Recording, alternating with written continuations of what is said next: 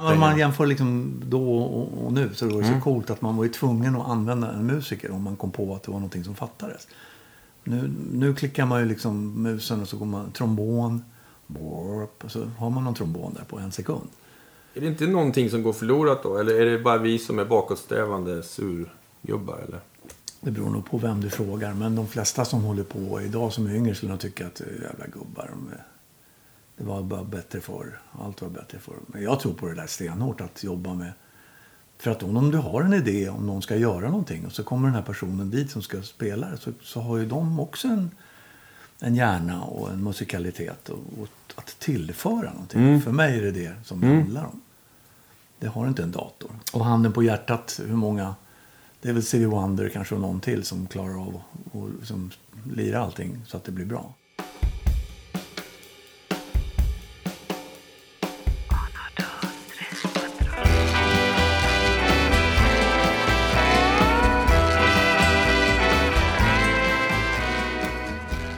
Välkommen hit Rolf Alex. Tack så mycket. Den här podcasten heter Jag spelar för livet. Och vi har haft många, många fina trummisar här. Och eh, Andreas Dahlbäck eh, var en av dem som vi har haft med här. Och han pratade jättevarmt om dig. Mm, vad gulligt tycker jag. Jag Ja. lyssnade på det faktiskt. Man blir lite rörd när man får så mycket beröm. Men du, du var hans liksom förebild, idol. När han var en liten pilt. Ja, och det lustiga är att jag har ju eh, träffat honom en gång nu live. Och jag, vi har ju aldrig träffats, han och jag. Okej. Men eh, han refererar ju till det här bandet vi hade med Eva Dahlgren, där, Wise Guys. Mm. Och vi var väl kanske lite stilbildande. Det fattar man ju inte då, men det är ju väldigt kul att få höra såna här grejer. Han var ju jättesnäll faktiskt. Jag, får, jag måste ju eh, uppdatera mig på Andreas och hur han spelar och allt Ja. sånt där. För jag har, jag har dålig koll på de här nya killarna. För han är ju inte pu, purung och ny sådär, men, men eh, han, han har eh, ännu inte liksom eh, ko- kommit in i min musikvärld kan man säga. Så jag får, jag får updata mig. Ja, men kolla på alltså, han, han är väldigt, väldigt bred och, och sådär. Ja. Men, eh, och sen så finns det en annan kille som ha, har, eh, som är ett väldigt stort fan av det här.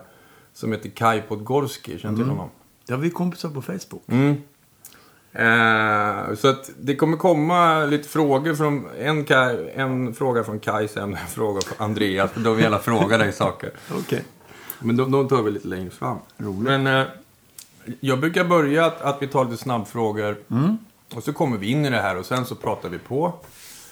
Så kommer det bli jättebra. Ja, kanon. Ja. Eh, namn. Rolf Arne Alex. Hårt namn alltså. Eh, Arne, födelse. Arne efter pappa. Arne efter pappa. Det var så nämligen förr, du vet. Man hette något och fick farsans namn som mellannamn. Ja, det har jag också. eh, födelseplats. Solna. Eh, vad är ditt yrke just nu? Eh, entreprenör kan man väl säga att jag är. Egen företagare. Mm. Och eh, före detta musikant och musiker. Vad är ditt första musikminne? Det är nog eh, våran granne som hade grammofon med rockfnykis och eh, varmkorv-boogie, tror jag. Och kanske någon tidig Elvis. Jag är inte riktigt säker på vilket som var först. Men jag vet att hon, hon älskade Martin Ljung och den här rockfnykis. Ja. Ja. Rock'n'roll och hoppsan sa den där. Det var, den var ju tung. Och de hade en sån där jätteball, eh, stor grammofon. Som eh, man har ju fattat nu. Alltså att de, det var ju världens drag i dem helt enkelt. Så att när man vred på lite så var det botten och allt det där. Ja, ja, de här stora radio, de hade ju liksom vet, bashögtalare som gick neråt och under och sprutade ut en massa. Liksom. Så att det var ju ingen, det var ju ingen sån där transistorradio direkt. Och eh, där brukade jag hänga när mamma inte hade kommit hem från jobbet eller gjorde någonting annat. Och då var det den. Och så var det varmkorv boogie. Kanske någon Elvis, jag vet inte. Men varmkorv boogie minns jag väldigt väl. Och den är ju grym alltså, faktiskt. Ja. Ove Thörnqvist. Ja, den spelar Bosse Skoglund på. Jag kunde tänka mig det. Mm. Vad betyder, eller vad har musik betytt för dig? Liksom? Väldigt mycket. Så jag, är ju alltid, min fam- jag kommer från en väldigt musikalisk familj. Pappa var väl den enda som inte spelade något instrument. Men han sjöng och ville spela saxofon när han var ung, men hade de inte råd med att låta honom göra. Men mamma, eh, det gick till så att hennes stora syster fick ta pianolektioner. Så fick hon lära mamma att spela när hon kom hem. Så då fick de ju en liten bonus, en liten rabatt. Eh, så, att, alltså, så länge jag kan komma ihåg. Det finns någon kassettinspelning när jag sjunger och det är två eller något sånt där.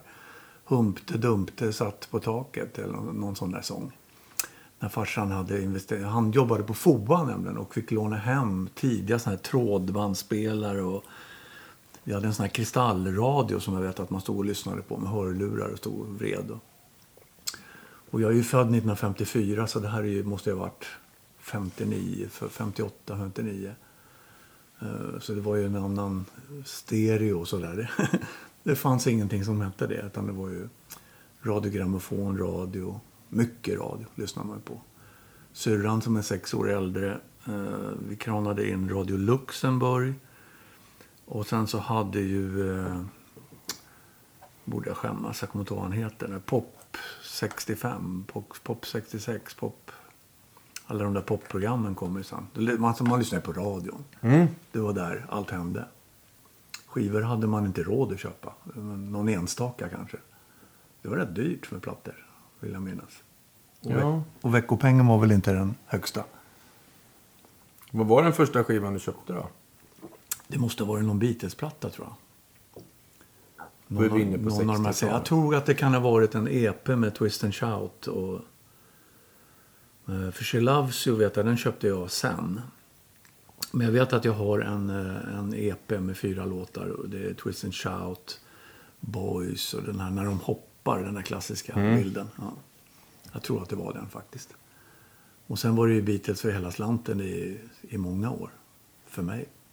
Var det Ringo då du eh, kollade in? Nej, då var jag inte... För jag spelade gitarr och det då. Och sjöng och sådär höll på. Så jag var inte trummis då på den tiden. Alltså det är svårt med Beatles att säga exakt. Det var hela grejen. Mm. Jag köpte faktiskt igår den här filmen nu som jag sett på bio också om The, The Touring Years.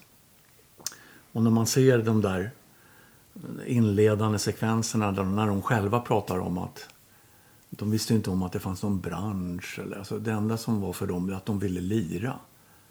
Eh, och så var det nog lite där för mig också. Att jag ville liksom spela på något. Och vi hade gitarr hemma och piano. Och, så, och sång och så här. Mamma sjöng och syrran sjöng och spelade blockflöjt. Så att eh, Beatles var ju liksom en väldigt omvälvande upplevelse. Och så var de på tv. Det här, det, vad heter det nu då? Drop-in. Och det såg vi.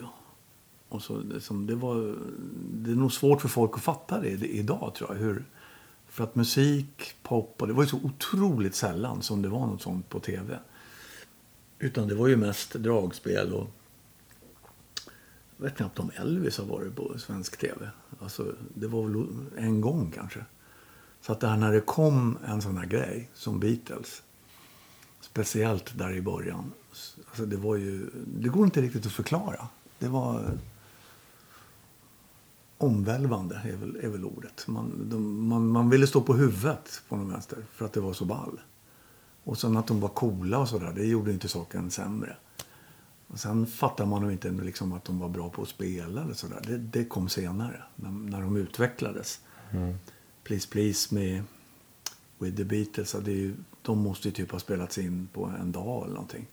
Det var väl det här eh, Hamburg-stuket eh, som fortfarande mm. var kvar. När mm. de liksom bara one, two, three, four. Och så lirar de.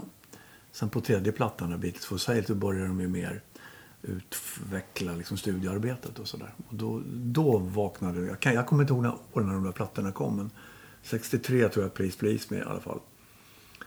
Eh, då började jag ju också utvecklas eh, med min musik. Att liksom, aha, och lära liksom, vad är det för ackord där? Och... Så det var väl mina första, kan man väl lugnt säga. Och än idag. Jag får, jag, jag får rysningar när jag hör Beatles än idag. Det är så jävla bra helt enkelt. Eh, Johan Johansson som var här, så, han som var med och startade KSMB, han sa exakt samma sak. Han sa att han kom ihåg det här Beatles på TV. Det var hans första minne överhuvudtaget innan han kom ihåg mamma och pappa. Då var han två år. Det är stort. Ja, liksom. Och han, och han är precis som du fortfarande tycker att det är det bästa som finns. Det finns ingenting som slår det, tycker. Nej. Och det finns väl en anledning till att de lever kvar, liksom. Det här fenomenet. Mm. Eh, Jag menar, det är ju så länge sedan nu de spelade in det där. Mm. Men eh, en kombination av att de var otroligt bra på att lira. Mm. De var förbannat bra låtskrivare. John och Paul och George får man Mm. inte glömma bort. Deras röster var så klockrena liksom tillsammans. Mm. Och sen att eh, på något sätt de, de eh, öppnade upp en massa nya eh, områden i poppen. Mm. Som inte ens hette pop på den tiden. Det var väl rock'n'roll eller med Elvis och, och massa bra liksom innan som har påverkat The Beatles såklart. Mm. Men det var nog den första stora media som nådde ut liksom till, över hela världen och att plattor kunde... Jag vet de släppte de här skivorna, bara en sån grej, att den kom ut en speciell dag över hela världen samtidigt. Bara den hypen kan man ju liksom förstå när alla står liksom och stampar som när bolaget öppnar på morgonen liksom för Ja. alkoholisterna. Liksom. Vi var ju törstade efter den här. Och så kom den och så lyssnade alla samtidigt. Och, och liksom man pratade i plugget och sådär. Det kommer ju aldrig hända igen. Nej, det, är nog, det, är nog, det går inte med dagens det liksom, eh, sociala medier och allt det här. Det är ingen som kan... Alltså artister blir ju jävligt stora nu också, men inte på det där sättet. Det, går inte. det var ju som Beatles slog igenom. eh, Kennedy mördades. Man åkte till månen. Det var liksom på samma nivå. Mm. Så att, nej, jag tror inte det kommer hända igen. Alltså. Det kommer inget band som Beatles heller. Det finns nästan inga sådana band längre som är så här äger... Nej. Ja, inte som har kommit de sista 15 åren i alla fall. Vilka skulle du... uh, De som är närmast är väl de U2, här Coldplay va? Ja, U2 är väl liksom lite på den där nivån. Va? Ja, fast de kom ju liksom nu. Men du menar nu för tiden? Ja. Nej, det är sant. Coldplay är ju kanske också lite otroligt. Jag såg dem när de spelade på någon, någon gala, va? när Paul McCartney satt i publiken. Och då hade de lite så här Sgt. Pepper-inspirerade kostymer. De, de stod och skämdes som små pojkar där och bad honom om ursäkt för att de liksom hade rippat av den här Sgt. Pepper-grejen. Det är lite gulligt tycker jag. Ja, men alla, vem gillar inte Beatles? Nej, jag vet inte. Jag har aldrig träffat någon som inte... Nej, inte jag heller. Det, det går... Om man skulle kunna göra en Beatles-special och ta hit folk och prata Beatles i flera dagar tror jag. Alltså, gud, jag har ju läst så mycket böcker och lyssnat på så mycket radiointervjuer. Och det dyker upp nya saker om dem. Jag fattar inte. Nu var det ju nya klipp med den här filmen. Liksom, när de eh, tidigt fick såna här eh, åtta, om det var video 8, super 8 eller vad fan det hette. Utan ljud. När de filmade tidigt när de var i Amerika och så där. Filmade hemma. Och jag köpte ett par böcker med det. En jättecool bok faktiskt med Åh, vad hette han för någonting? Han som har tagit faktiskt den där bilden with the Beatles, den svarta när, när ansiktena hänger i. Som ju inspirerad av den här tyska tjejen Astrid som tog bilder av dem i, i Tyskland. Eh, en hel bok som jag fick av en kompis. Med pressbilder liksom där de skulle framställas. Eh, Så här, nu, hur de är hemma, att de strök sina skjortor och du vet, så här, jättegulliga bilder. På. De är bara vanliga killar liksom. Och, så, och där ser man på den här bilden så otroligt korthåriga de var. Alltså de skulle kunna jobba på bank. Men då så vet jag att den äldre generationen då var liksom upprörda över att de hade liksom håret låg så på öronen. Och, det var ju också en grej kan, man, kan man säga. Men my God. eh, Gå och backa hundra år tillbaka i tiden så var väl alla långhåriga. Vad var det som var så? De hade mycket längre hår än, än Beatles. Ja, på 1800-talet. Det var jättekonstigt. Claes Yngström sa det att han, de hade, de, deras första band så hade de med en kille som hade Beatles-frisyr. Det, var, det enda han gjorde var att skaka på håret. Nej. Och alla tjejerna bara skrek. Och så spelade han och Pierre Svärd. Det var de som skötte musiken och sjöng. Det räckte. Så hade de en kille där. Och tjejerna var helt galna uppe i Borlänge. De bara, ni är bättre än Beatles. Liksom. De hade ju aldrig sett. De hade ju sett Beatles på tv och sen kom det en kille som hade Vad var det liksom? Det, det kan vi inte förstå. Och det var ju det som tyvärr då ledde till att, att de, in, de var tvungna liksom att sluta spela live. För, det, för det gick inte. De blev liksom sämre på... Ringo sa att han brukade titta på grabbarnas liksom rumpor för att hålla bitet. Och bara hänga på två fyran. Och det blir inte något kul liksom, i längden. Man ser de här bilderna när de åker på...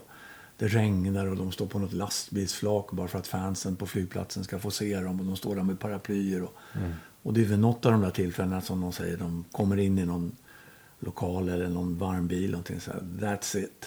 Liksom. Nu pallar vi inte längre. Nu, nu lägger vi ner det här. Mm. Och nu vill vi bara fokusera på att uh, jobba i studion helt enkelt. Och det var ju också svårt för dem, uh, har jag läst, att uh, skivbolaget och EM, nej, men de fick ju inte obegränsad studietid. Vilket man kan ju tycka nu är otroligt konstigt. Mm.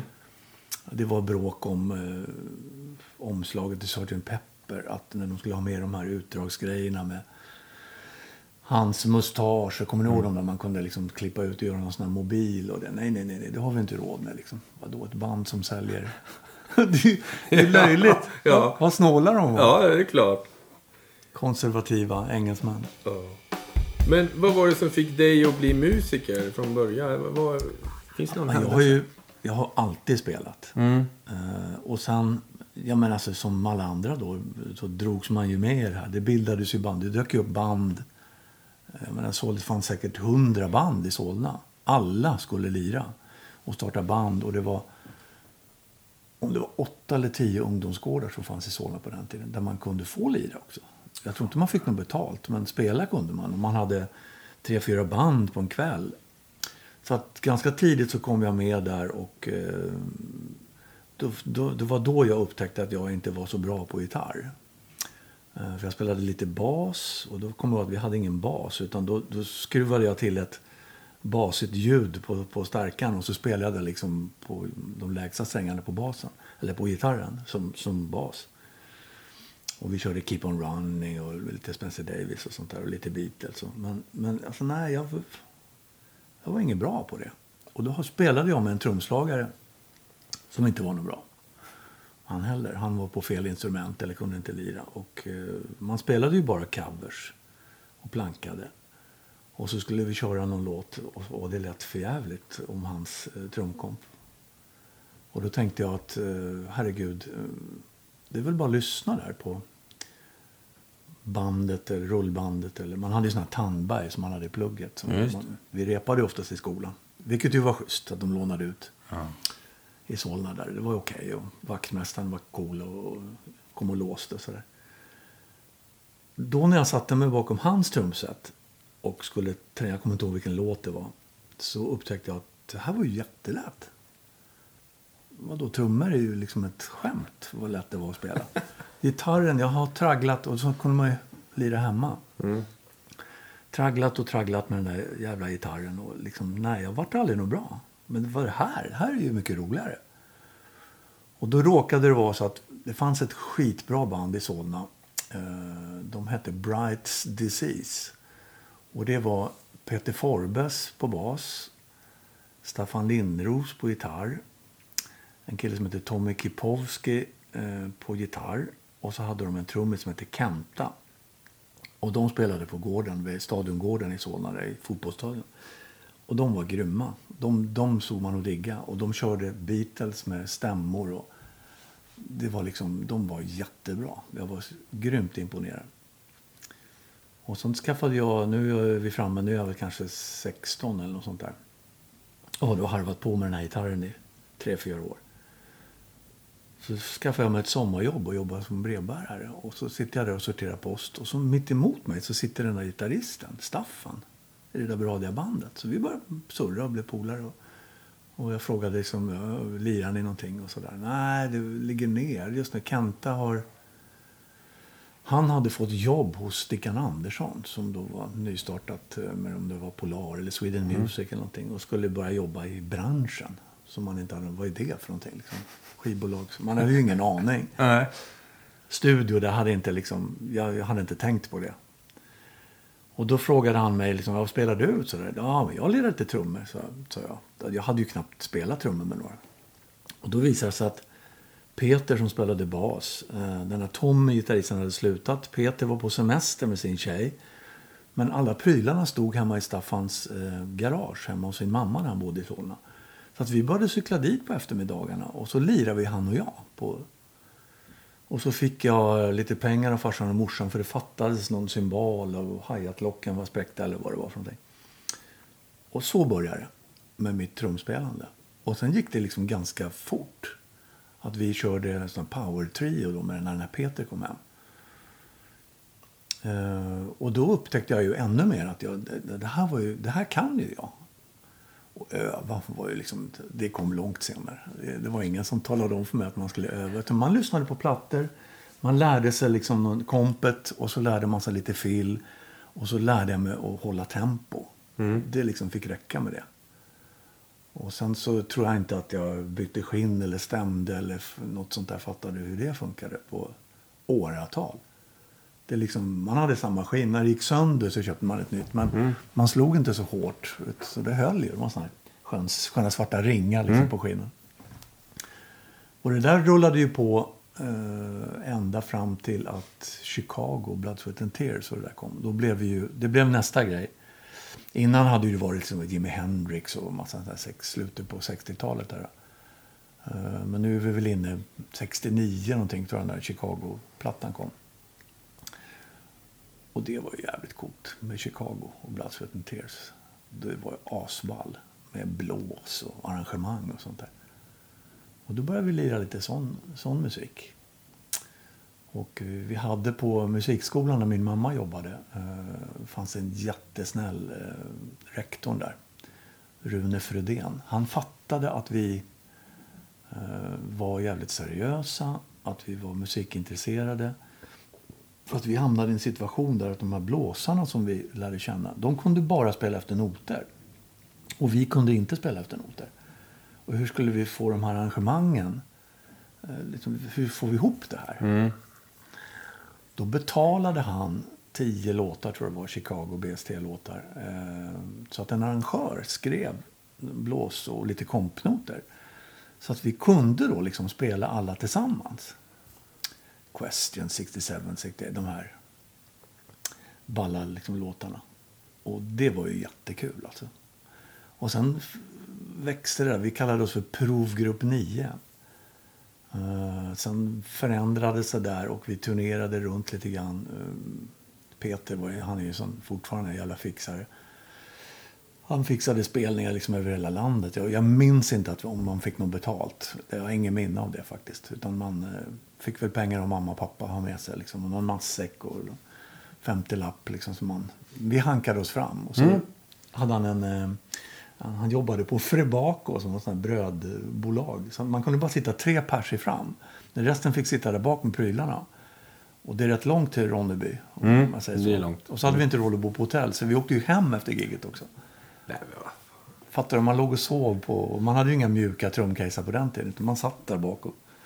Ja, herregud. Silvera Hamburger Years, de gjorde ni... Typ alltså, fy fan. Ja, de, precis. Alla, det är ju det som är lite tråkigt idag. Att Eh, folk fattar inte att man kanske behöver gå igenom sådana där faser. Man, man kommer med i Idol liksom direkt eller man får något turnéjobb direkt. Jag tror det är bra på något sätt. Man lärde sig otroligt mycket. Men sen så eh, tyvärr så dog ju det där ut för att eh, dansbandsvågen kom. Nu är vi inne någon gång i 70-talet. Och då kom Gråt inga tårar och allt Och Helt plötsligt gick det inte att boka ett enda jobb. Så liksom det här bandet bara, tyvärr grabbar. Eh, men kan ni spela dansmusik? Och då sa Peter ja till det. Och då döpte vi om bandet till Forbes. Just det. Och, och helt plötsligt så fann jag mig själv sittandes på sån här danshak och spela dansmusik. Mm. I någon fånig kostym. Nej, det här är ju inte det jag vill göra. Nej. Eh, men det var ju svårt att liksom bara sluta, så kunde man inte göra. Men jag, något år eller två var jag med. Men Sen så... Eh, vi hade en replokal i den här fotbollsstadion. Eh, Peter Salin, en basist, hans mamma var, jobbade där och hade, var en ballettskola. Och i kapprummet till den där ballettskolan så fick vi ha en replokal. Och där var vi hela dagen, liksom bara jammade. Staffan Lindros och jag och Peter. Och vi spelade in mycket på band. Vi, vi bara jammade. Hela nätterna. Och eh, lärde jag känna en kille som heter Lasse Finberg en uh, duktig gitarrist. Uh, och en dag så bara knackade det på dörren. Och in klev Lasse Finberg med Basse Wickman och Micke Rickfors i släptåg där. Eh, Han hade berättat om de där grabbarna som var bra och som jammade ute i en lokal i Solna. Och Rickfors hade precis slutat med Hollis och kommit hem till Sverige och skrivit de här första låtarna då, sin första soloplatta. Och behövde ha ett band. Så att, eh, då började vi spela med Mikael Rickfors. Så att när Forbes vann Melodifestivalen och eh, med Beatles och det där.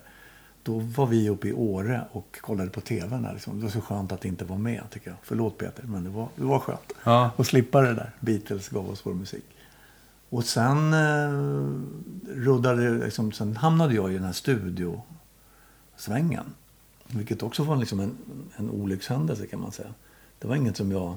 Jag visste inte knappt att det fanns. Det är klart att man fattade att folk spelade på plattor men jag visste inte riktigt hur det gick till. Nej. Det var också en olyckshändelse faktiskt att jag... Året innan vi slutade med... eh, Jag slutade spela med Forbe så kompade vi Kisa Magnusson och Janne Önnerud på en sommarturné. Och då frågade Janne Önnerud mig Har du lust att spela på min, min skiva? Ja, kan väl göra. Och då hamnade jag i en studio Eh, Polyvox, eller ljudkopia som den hette på den tiden, Roslagsgatan. Så spelade vi in den där plattan. Anders Berglund var producent. Mike Watson spelade bas. Kino Mariano, tror jag, och jag. Och Anders på piano. Och där träffade jag, det var en, en snubbe som hängde där. Som, han verkade speciell. Och det var Anders Henkan Henriksson. Uh, han gamla massa stories. Jag vet inte, har du träffat Henkan någon Nej. gång? Nej. Han dog ju tyvärr i år. Magnus Ugglas eh, vapendragare, låtskrivare och producent. Så att han, eh, han gillade det som, alltså mitt spel och det där. Och då frågade han mig också om session. Så helt plötsligt bara, det bara bananskal liksom halkade in där. Jag spelade på en Scaffel Pike skiva. Vi gjorde en skiva med Bernt Staff. Henkan provade ju massor med grejer. Och då började också eh, jag lära känna en massa nya musiker som Backe Hans Eriksson, eh, Peter Lundblad, Per-Erik Hallin kom väl in någonstans där i den här vevan också. En massa liksom jätteduktiga musiker. Var det innan han hade lirat med Elvis eller kom han hem från Elvis då? Nej, han hade nog spelat med Elvis då tror jag. Och flyttat tillbaka till, till, till Sverige. Och var studiemusiker. Hur kunde en sån där månad se ut då på den tiden? Liksom, var det som på Bosses tid när det bara var... Varenda dag. i, varenda, var det så? Varenda dag. Hur liksom många låtar bonkar man in på en dag? Kommer du ihåg? Ja, det var lite olika. Ibland så hade ju producenten en klar uppfattning om vad det var de ville ha. Ibland hade de inte det. Ibland så kunde artisten liksom bara sitta med någon gitarr och här är min eh, grov demo. Och sen så fick man ju hitta på någonting. Man kunde hålla på kanske med en låt en hel dag. Men det är klart att det var ju, ofta så var det ju att det fanns någon kassett. Som man, eller så sa de, det ska låta som... Då spelade de upp någon låt som de tyckte att det här är ball, så här vill vi att det här ska låta. Och ibland så var det ju noter och sånt där. Och jag är ju urusel på noter. Jag har ju verkligen klarat mig med... Ja, på, på, något, på något jävla sätt. Jag har ett väldigt snabbt öra tror jag. Det vet jag om att jag har. Så jag lär mig. Jag lyssnar en gång. Och så håller man färgen. Jaha, det är så det ska vara. Så låtsas man att man kan läsa de där noterna. Och så, och så lirar man bara. Man får fejka lite.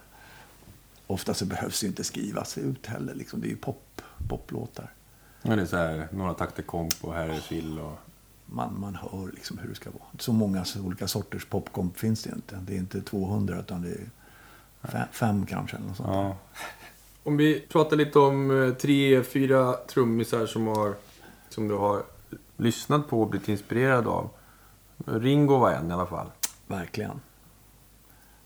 Han är en stor idol. Jag- Jag fattar inte, jag läste en massa skit på nätet om att folk tycker att han liksom inte är någon bra trummis. Jag vet inte, Ja, jag, det är också många som... Jag vet inte om det är någon... Det kanske är en skröna. Nej, men det, jag har ju hört jättemånga som, som... Ja, men han är ingen bra eller sådär.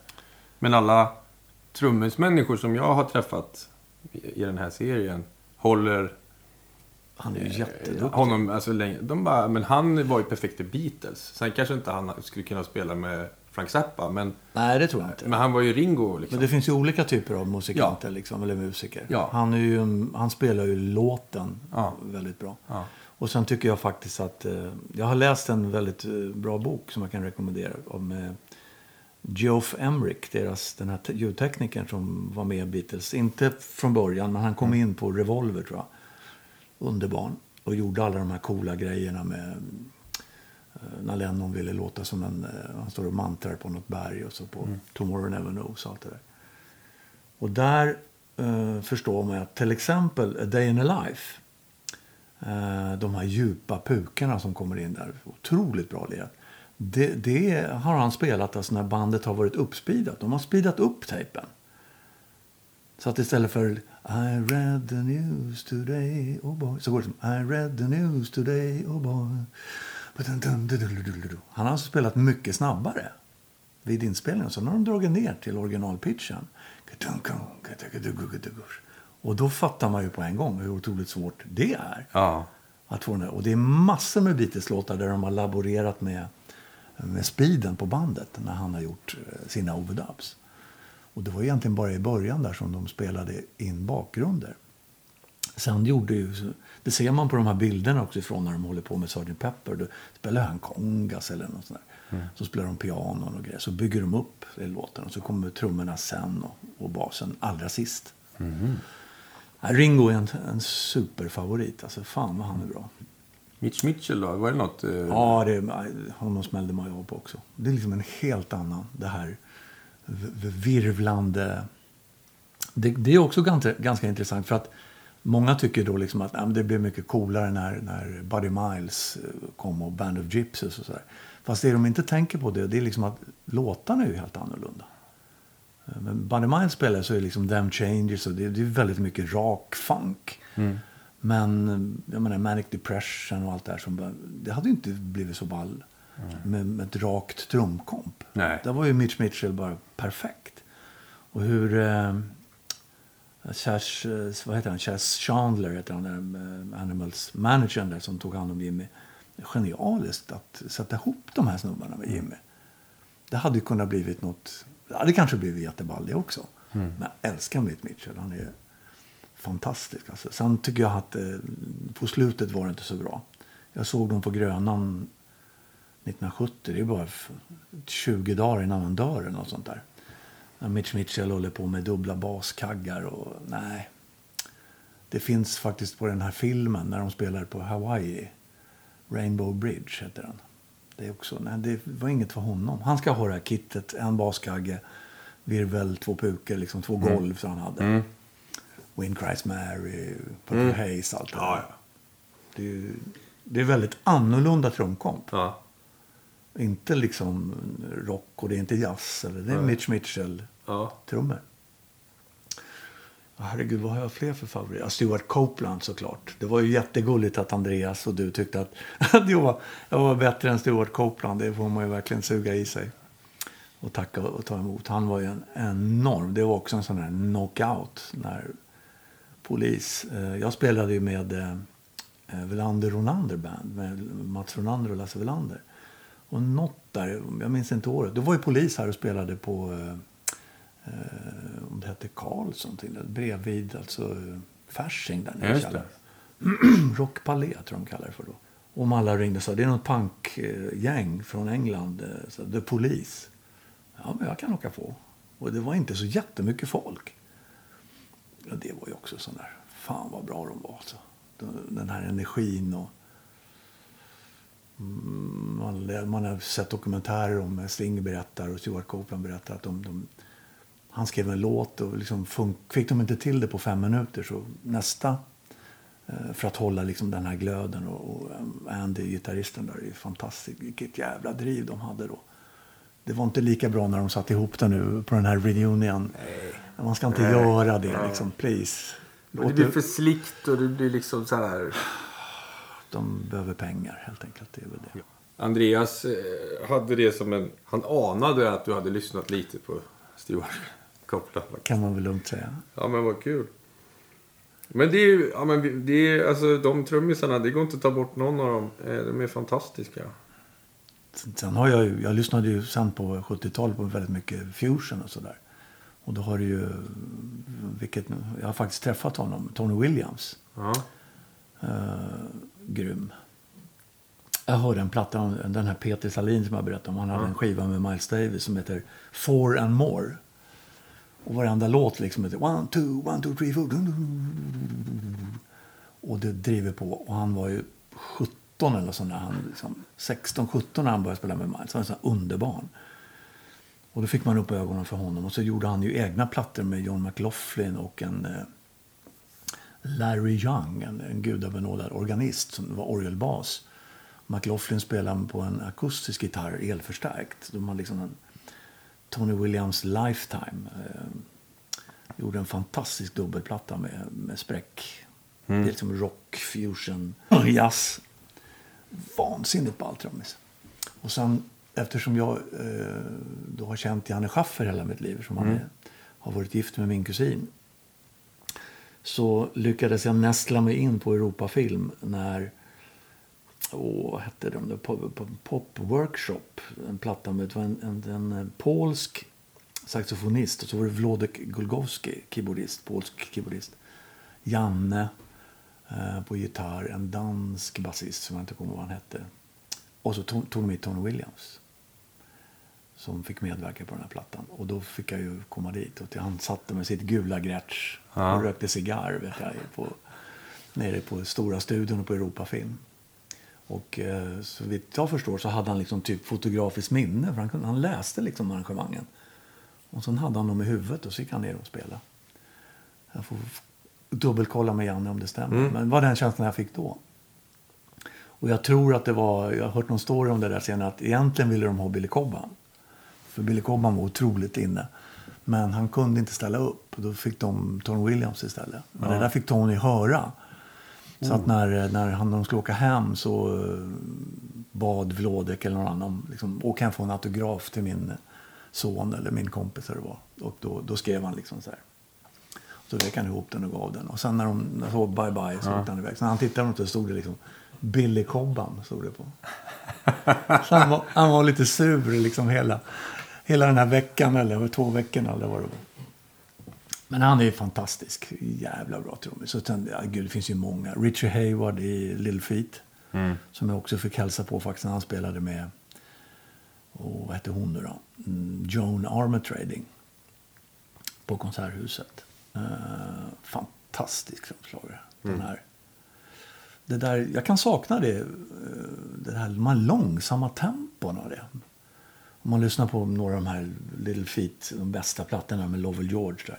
Det går inte så jävla snabbt. Nej. Långsamma tempon, sug. Liksom, han har fantastisk timing, skitbra ljud i trummorna. Mm. jag, alltid har varit, jag har alltid tyckt att jag har haft så dåligt sound. På, jag är aldrig nöjd. Tycker att alla andra har så jävla bra ljud i sina trummor. Eh, det är svårt med trummor. Det är jättesvårt. Olika skinn. Jag har liksom aldrig varit någon sån där, snöat in på tekniken. Utan Många kan allt om alla stockar och skinn och pedaler. Och jag har inte brytt mig så mycket om det. Utan jag har haft det jag har haft och försökt göra det bästa liksom utav. Och få tips sådär utav. Ja. Testa det. Och... Men har inte ljudidealen ändrats ganska mycket från 70 och sen mm. när det blev typ programmerade trummor? Att det ska vara snäppigt och hårt och liksom... Men det var väl det som jag spelar ju på eh, den här Varning på stan med Magnus Uggla. Mm. Och de trummorna där, de är ju inspelade i, i delar. För så först så trampar man baskagge. Och sen så spelar jag virvelkagge, sen spelar jag hi-hat, så gjorde jag pukfills och sen kraschar. Och det tror jag var någon små slags, inte bara där hos oss, utan i många studios runt om i världen. Det var nog det som, liksom, det här att man ville ha den här totala separationen. Mm. För teknikerna får tjata liksom, du den pukan låter liksom i den micken. Ja, trumset. Mm. Heter det liksom. Ja, precis. Ja, men kan du inte dämpa den då lite så att det får inte ringa där. Så att, jaha. Och då började man tejpa och man tog bort underskinnen, man stoppade mickarna inuti trummorna. Så till slut så lät det liksom plasthink om, mm. om allting. Det tror jag liksom födde trummaskinen. För att jag kommer så väl ihåg ute på Glenn-studio då när Bruno hade köpt den här första linnen, vad det nu hette. Och alla var så impade. Åh, det bara låter liksom bara där. Dudung, bara i vänster kanal. Och sen var det hippt ett tag. Och sen så lä- längtade alla tillbaka till det här öppna, att ha trummorna på golvet. Så att alla sådana här trumbås de monterades ju ner. Man satt ju i sådana här bås och spelade där det var... Alltså det fanns ju ingen akustik. Och trummor är ju ett akustiskt instrument. Ja, det är som att sitta på toaletten. Sitter med små, ett kuddrum och så stoppar man in trummorna. Det låter ju ingenting. Nej. Och det kanske kan vara ett sound eh, i sig om man vill ha det på någon låt sådär. Ja, kuddrumstrumset. Kuddrumstrummorna. Mm. Men det är... äh, alltså det mesta som, som spelades in faktiskt i, i Sverige under den där tiden var inte så jättebra sound på någonting tycker jag. Nej. Man, man, eh, man eh, låg långt efter USA och liksom teknik. Och det kom lite, liksom lite senare när, när teknikerna blev bättre. Den gamla skolan kunde ju spela in, liksom få en bra stereoblandning med två mickar och spela in ett storband. Och de kunde sådana grejer. Men de kunde inte få uh, i baskaggen. Liksom. Och eh, Lennart Östlund, en god vän till mig, han berättade att när man hade få kanaler så fick ju inte bas, baskagge och virvelkagge hade ju inte egna kanaler i början. Utan trummorna låg liksom på ett paket. Men när det började komma då, så att man gick från 8 till 16 eller någonstans där. Så helt plötsligt så kunde liksom man ha baskagge, virvelkagge och sen trummor på resten. För att annars så kunde man ju omöjligt liksom dra ner eller, eller höja baskaggen. Om man hade spelat in den på ett en stereopaket. Och det, det tror jag var när diskon och allt det här kom. Liksom när bastrumman. Man gjorde om bastrumman till något annat. En baskagge låter ju inte sådär egentligen. Utan man vill ha den sådär snustorr, nära, dämpad. Liksom en, en, en, lägga till den botten som man... Och idag vet jag du har sett om man har ju sån här sub... Eh, ser ut som en hög... Man kan använda en högtalare också. Det är liksom som i princip en högtalare som bara tar in de låga frekvenserna. Och så har man en mick också som man kombinerar när man spelar in. Så att man kan få liksom mycket botten i baskaggen. Jag har sett eh, i Spain så står det en liten baskagge framför också. Så är det Ja, det mick kan där. man det. Så då får man ju klangen Ja. i den sådär. Det har jag sett att de gör Ja. också. Jag vet inte riktigt Det varför, men nu... fyra meter baskagge. Liksom. Det måste ju skapa någon slags sound då, såklart. ja, ja, men folk vill ju leka med sina... Det får de göra. Ja, det får de göra.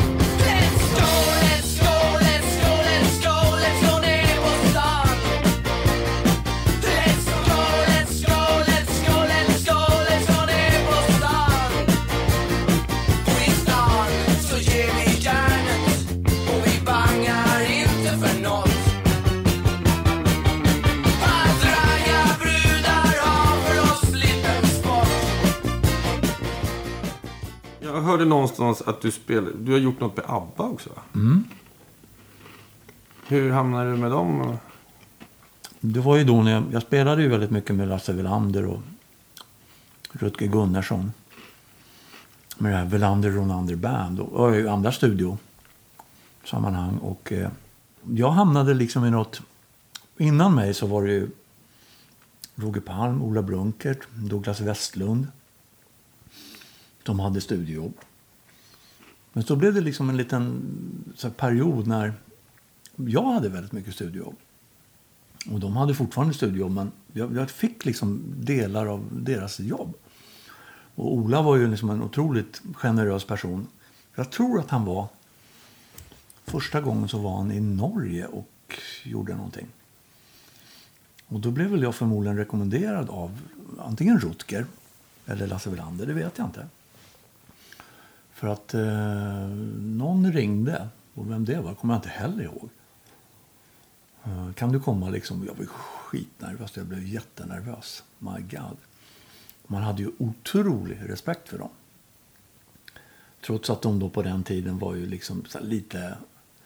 Det var inte så hippt med ABBA. Inte som det blev senare och som det är idag. Utan det var ju lite skämmigt sådär. Vilket jag inte begriper. För det har ju, de har alltid varit grymma tycker jag. Mm. Och jävligt bra arrangemang och sådär. Och jag vet att jag, att jag kom till eh, Atlantis eller Metronom som den hette på den tiden. Trummisen är ju alltid där tidigare. Man kommer med sina trummor och man ska rigga. Och så satt Benny och spelade på flygarna och kom ner. Så man bara ner och så tänkte jag måste gå fram och presentera mig. Och då började, gjorde jag det och sa vad jag hette. Och så, ja, men, jo, men jag vet vem du är. Liksom. Vi har ju bokat dig för den här inspelningen. Åh, idiot, liksom. Det är klart att han vet vem jag är. Men jag var så nervös liksom, så jag tänkte jag måste ju presentera mig för Benny. Ja. Det kändes ju jättefånigt. Men så höll vi på att spela in där och eh, det vi gjorde då tror jag, det var inget av det som kom ut. Utan jag har hört det sen på en, eh, en samlingsplatta där Micke Tretow, han har satt ihop en jävla massa snuttar som de kallar för ABBA Undeleted. Och då flimrar det förbi sådär, för man fick ju inte ta någon kassett eller som man fick göra på, på andra inspelningar. Utan det som hände då 77, 78, det fick man inte höra. Det hörde jag här om året när jag lyssnade på den där, den här compilationen som han har gjort. Eh, och en av de där låtarna är, den gjorde Benny sen med Benny Anderssons orkester tror jag. Eh, det blev någon folk... Ja, det den är väldigt...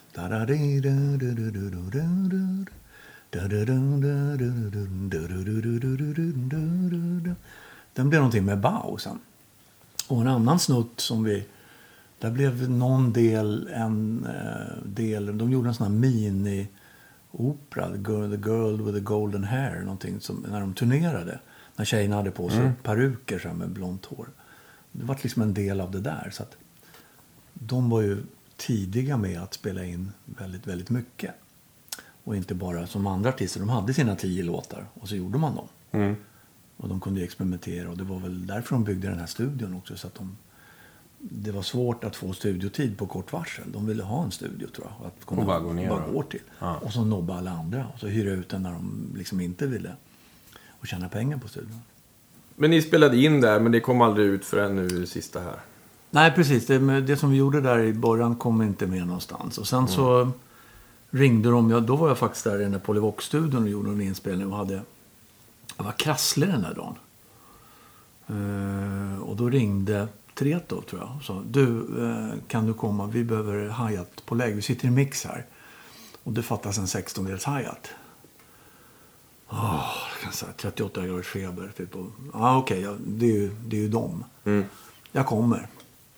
Och då satt de och mixade Summer Night City. Och det är Ola som spelar. Men han spelar liksom åttondels hi-hat. Och så ville de... Och då var man ju tvungen att ringa en musiker. Liksom då.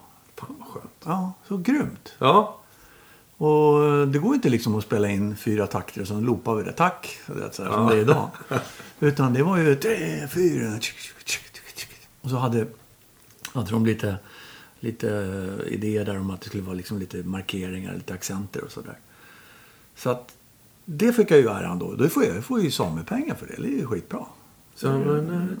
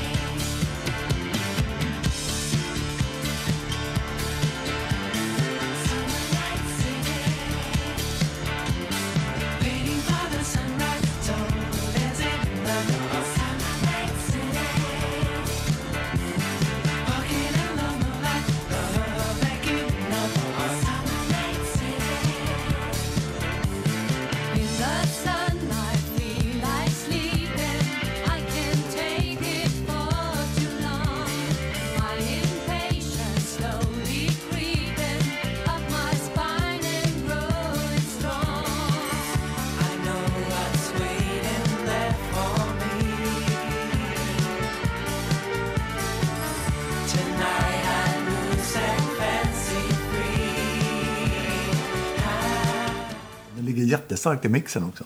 Det är det som gör hela låten, eller hur? Ja, Ja. precis. Ja. Så är var ju- värd de där. Nej, men man jämför liksom då och, och nu så det var det Mm. så coolt att man var ju tvungen att använda en musiker om man kom på att det var någonting som fattades. Nu, nu klickar man ju liksom musen och så går man trombon, borp, och så har man någon trombon där på en sekund. Är det inte någonting som går förlorat då? Eller är det bara vi som är bakåtsträvande surgubbar, eller? Det beror nog på vem du frågar. Men de flesta som håller på idag som är yngre skulle nog tycka att eh, jävla gubbar. Är- det var bara bättre för Allt var bättre för Men jag tror på det där stenhårt att jobba med. För att om du har en idé om någon ska göra någonting och så kommer den här personen dit som ska spela det, så, så har ju de också en, en hjärna och en musikalitet och, och att tillföra någonting. För mig är det det som det handlar om. Det har inte en dator. Den gör ju precis som den här och handen på hjärtat, hur många... Det är väl Stevie Wonder kanske och någon till som klarar av att liksom lira allting så att det blir bra. Mm. Det finns en kille i Norge också. som heter Jarle Bernhoft. Har du hört honom? Han är, Nej. han är fantastisk. Han är supermusikal. Det var min son som eh, drog med mig till Fasching på min födelsedag förra året tror jag det var. Eh, han är singer-songwriter. Eh, jättestor i Norge och han turnerar över hela världen. Ibland så turnerar han med band och ibland så, så spelar han själv med sån här, vet, loop-pedaler, mm. sån här system. Så han knackar på gitarren och, och trummar lite där och så bygger han upp grooves och så sjunger han liksom. Han, fixar nog det och spelar själv. Men, men tyvärr så tror jag att de flesta skulle må väldigt bra av att eh, samarbeta. Men det är väl en, idag är det väl en budgetfråga. Folk har inte råd helt enkelt. Nej. Men eh, hur som helst, sen eh, fick jag förtroendet igen då att spela med, med Björn och Benny på, när Polar var precis ny. Och då, då, den låten kom med på Volvo-skivan, heter The King Has Lost His Crown. Och då höll vi på en hel dag, vill jag minnas. Och jag vet att, att eh, jag frågade om de hade liksom, hur tycker ni trummorna ska spela och sådär. Då sa Björn att eh, men börja med rock, bas, cowgirl, så, liksom, så får vi se. Så att medan de satt och letade och sådär så, så, så trampade jag liksom bastrumma. Och sen växte låten fram och så går man och käkar lunch. Så kommer det var jättekul att jobba med dem. Men sen, eh, sen så, eh, efter det så var det inget mer med dem. Då kom Per, denna fantastiska människa, in i bilden. Och sen tog väl han över alla trumjobb med dem. Det vart inte mer trumspelande för någon annan tror jag. Efter den. Han, han är nog med på antingen Volvo eller skivan efter. Som han kommer in i. Eh, Vilket ju, ja han är ju fantastisk. Och sen fick jag Chess-giget också. Ja, han, han hade ju alla de där giggen sen. Per är en väldigt bra kompis. Jag har stor respekt för honom och hans musicerande. Han är, är nog den bästa trumslagaren som vi har fått fram i det här landet, tror jag. Jojje sa det att han har ju spelat med alla de där amerikanska hotshot-namnen. Han sa att Per Lindvall. Ja, han är grym. Vi skulle planka någon, eh, vad heter pianisten som de spelade med där väldigt mycket? Per och, och, och Lars Danielsson. Är det han Jesper? Amerikanska sångaren, pianisten. Michael Ruff, tack. Och eh, vi hade ju ett skojband där för några år sedan och repade. Och så var det någon som hade på den här låten är cool. Så Michael Ruff-låt sådär. Så lyssnar man och så ska man liksom, trummorna går sådär. Så, eh, Okej, det är Lindvall. Liksom. så jag satt och plankade Pers eh, trumspel. Det är coolt. Eh, Per, jag älskar Per. Han är... De gånger vi träffas, nu senast var på när Björn och Benny firade 50 år som låtskrivarpartner. Så det är skitkul. Och nu bor vi ju nästan grannar så vi ska försöka träffas lite, Ja, just. Han har flyttat ofta. upp här. Precis, han bor på Kungsholmen. Mm. Han kom på cykel här så glad. Han är alltid glad. och grejen är att han har varit... Eh, jag lyssnade på den här podden som du gjorde med honom. Och eh, han beskriver sig själv så himla, precis som han är där. Att han, eh, man får inte tappa det här eh, liksom, som man kände i replokalen där när man började. När man inte visste någonting om någon bransch eller någon, eh, gager eller sånt där. Man måste ha kvar det, annars så är man lost. Annars så tappar man liksom grejen. Då blir man man tappar sin inspiration och man tappar sin spelglädje. Det måste vara kul. Och det var ju, det var ju därför jag slutade liksom, som studiemusiker. Det är många som har undrat och frågat genom åren. Ja. Varför la du av? Och, sådär. och det var ju, Per berättade ju där i den här podcasten att han programmerade ju trummaskiner och han, eh, han garvar ju lite skönt där att eh, efter två dagars programmerande med sin S900 där och så sa de, fan det låter ju nästan precis som när du, att du lirar. Liksom. och då garvade han och tänkte, ja, men om jag hade spelat det här hade jag spelat det på två timmar. Nu har vi hållit på liksom i två dagar. Så att han var väl glad, han tjänar ju pengar. Mm.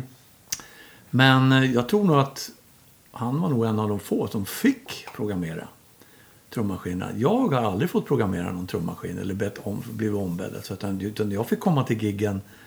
Eh, då hade de programmerat allting stift och dåligt. Och så lät inte hi-haten och cymbalerna nog bra. Eller man gjorde nog fills kanske. Och det var ju bedrövliga liksom, trummaskiner som folk inte kunde hantera. Eh, då kände jag att det här är inget kul längre. Är det så här man ska liksom försörja som musiker, då, då hittar jag på något annat. Och jag vet att när jag har kompisar som... Men gud, vad ska du göra då? Liksom, om man inte, ja, men, nu är jag... Hur gammal kan jag ha varit? Lite över 30. Ja, men liksom, jag har ju hållit på Men du med... var ju rätt ung alltså. Ja, faktiskt. Och skulle jag bli pappa i den här svängen också. Men Jag var 37, tror jag att det var. 36, 37. Och då började jag liksom tänka, för att det var så viktigt, precis som Per säger, att det är så viktigt att det är kul. Och att man känner den där glöden när man lirar. Annars kan det vara liksom. Då kan jag lika väl repa med några polare i, som vi gjorde från början där i Rosna fotbollsstadion. Bara jamma. Och det är fan roligare än att sitta och spela någon dynga som man inte tycker om. Det är inte, jag kan jobba med något annat och tjäna mina pengar. Och så behålla den här känslan för musiken. För det var därför jag började spela musik. Ja, den här 14-åringen som tycker allt är kul. Det var därför jag, jag menar, det är därför jag älskar musik. När man får den där kicken av att någonting är bra. Men det var inget självändamål. Liksom att jag måste leva på musik. Utan jag älskar musik. Men jag vill inte liksom gå ner mig. Och, det blir ju bara dåligt. Tycker jag. Och just den där perioden så var det ju väldigt... eh, det var, började bli lite jobb. Det var liksom, plattorna började säm, sälja lite sämre. Uh, turnéerna gick inte så bra. Man började baka ihop så här, rock runt riket. Vi smackade ihop. Uh, vilket ju i långa loppet dödade folkparkerna till exempel. Som var en otroligt bra eh, grej för alla svenska band. Man kunde 50-60 gig en sommar i folkparkerna. Men då började EMA och allt vad de hette, de här bolagen, att boka upp egna arenor eh, vid slott och allt, alla såna grejer. Och komma dit med sitt färdiga paket. Ja, så här badrock typ. Ja, badrock var ju liksom en ball grej för de gjorde det liksom en gång varje sommar. Men det, var ju, det blev ju massa badrockar överallt. Och rock runt rikar och allt vad det hette. Och då fick de här arrangörerna väldigt svårt att få ihop det. De hade ju inte råd att köpa något no band. Då, då blev det bara dansbanden kvar där tror jag. Folkets hus. Tänk vad många Folkets hus och Folkets park det finns. Hundratals. Ja, det finns jättemånga fina teatrar i så här, alla städer som jättebra akustik. Du behöver knappt ha någon PA liksom. Nej. Och det tar så här- Strömmen är perfekt. Ja. Man bara jackar in och... Och det tar mellan 200-400 pers. Ja, Vi har lirat rätt mycket på sådana ställen. Det är perfekt. precis. Men någon ska ju boka och... Ja, men det har vi gjort själva mest faktiskt. Vi har hyrt liksom och så med någon lokal promoter. Och så kommer det så här 200-300 pers och det är kanongig liksom. Det kräver ju att någon, man är en eldsjäl då, som du och som Ja. har lite för, man måste ha lite entreprenörskänsla. Ja, ja, annars går det inte. Det går inte att liksom... Men jag eh, avslutade ju i alla fall min karriär kan man säga på ett bra sätt med, tillsammans med Anneli Rudé och hennes Mm. band. Vilket var ju jätteskoj alltså. För Anneli var, när jag slutade spela med Eva Dahlgren och så gjorde jag en Carola-turné. Hennes första Carola, den här Främling-turnén var jag med på. Och året efter så träffade jag, hade nog träffat Anneli någon gång tror jag. Hon var ju då den här rockbruden från Göteborg fast hon var ju stockholmare. Men det fattade inte jag först. Jag trodde hon var från Göteborg. Eftersom hon flyttade till Göteborg och liksom bodde där och gjorde den här Rocky Horror Show. Då skulle hon sätta ihop ett band och då frågade hon om jag ville vara med. Och där var ju Tommy Kassemar som spelar bas. Eh, som jag beundrar och tyckte var en jävla bra basist. Och jag ville spela med Tommy. Och då satte vi ihop ett band där och det blev ju jätteskoj. Och det gick ju rätt bra faktiskt. Alltså hon, eh, hon gjorde sin första skiva där, det är inte vi med på. Men sen gjorde vi skiva nummer två. Och sen gjorde vi en skiva till. Och sen gjorde vi... Eh, hon fick lite paj på rösten. Hon hade problem med sina stämband. Så att det var någon turné som blev inställd där. Och då passade jag på att och lära mig lite så programmera, lite syntar och lite sequencers och hålla på med samplers och skojade. Började producera lite andra. Jag jobbade med Tina Moe, en tjej. Eh, Jag jobbade lite med Lasse Tenander, prodade lite för honom. Och sen ringde Anneli och så hade hon fått en fråga om att göra en låt till Cornelis-skivan. Hyllningsplattan till Cornelis. Just det, var det den som hette Flygande? Flygande holländarna. Och vi blev tilldelade eh, Deidres Samba. Och jag vet att Mats Olausson, som jag skulle prodda den här tillsammans med keyboardisten, producenten. Då lyssnade jag på ching chikiring chiking king kiring. fan ska vi göra med den här? Liksom. Anneli. Vi måste tänka om.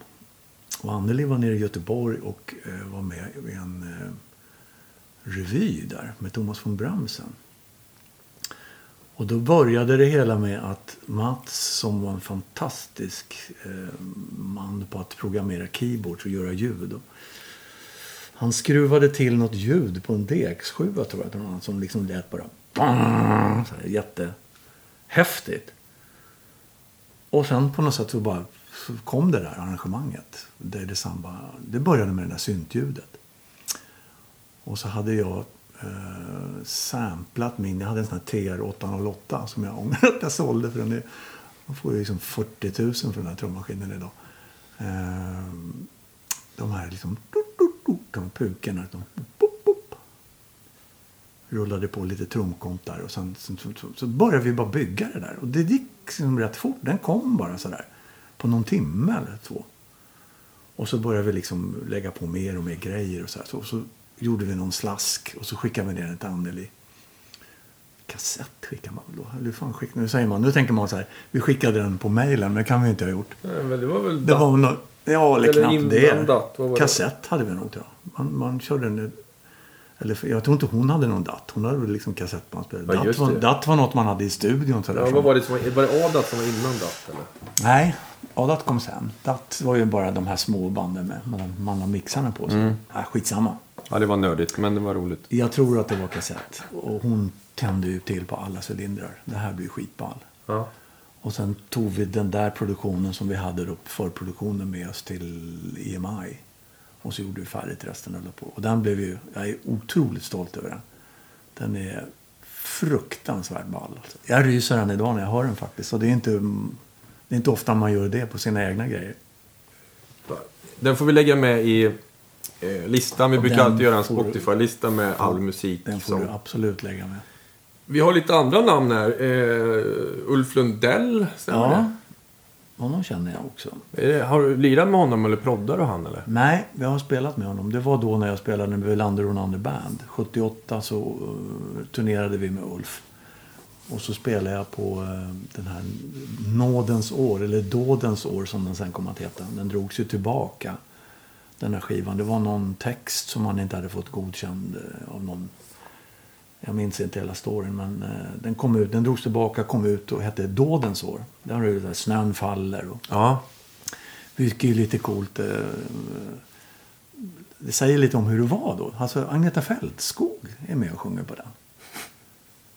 Det, det, är liksom, Det är rätt hårt alltså. det är ganska hårt. Ja. Hur gick det till? Liksom? 78, fyra år efter Waterloo. Hej Agneta, eh, Ulf här. Men ja, ja, jag kommer. Ja. Och så sjunger hon en stämma där med Ulf. Och Frida gjorde också sådana grejer. Så att det var inte någon big shot eh, sådär att de var ABBA liksom uppe. Utan de gjorde andra jobb var med lite här och lite där. Så. Det, idag är det ju otänkbart liksom. Ja, skulle Varför? någon ha med det skulle det stå längst upp på skivomslaget. Ja. Kör Agneta Fältskog. Precis. Och sen... Ja, och det, hon var ju med i creditlistan som alla andra liksom, musiker. Så. Och det är en jävla bra platta faktiskt. jag. Och så gjorde vi en, den tejpen har jag faktiskt slarvat bort i VHS-bandet. Vi gjorde en gala på Isstadion en direktsänd. Jag tror att det var en av de första faktiskt som direktsändes. Med Lundell, Gasoline, Hurricanes och så något band till från Norge. Live från Hovet 78. En hel jävla kväll. Med, inte om vi var intervjuade oss liksom i backstage där. Skitcoolt, vad bra band. Stefan Nilsson, eh, Kai Söderström på keyboards och orgel och piano. Rutger, eh, denna underbara man på bas. Eh, Lasse och eh, Malla då, då. Och lilla jag.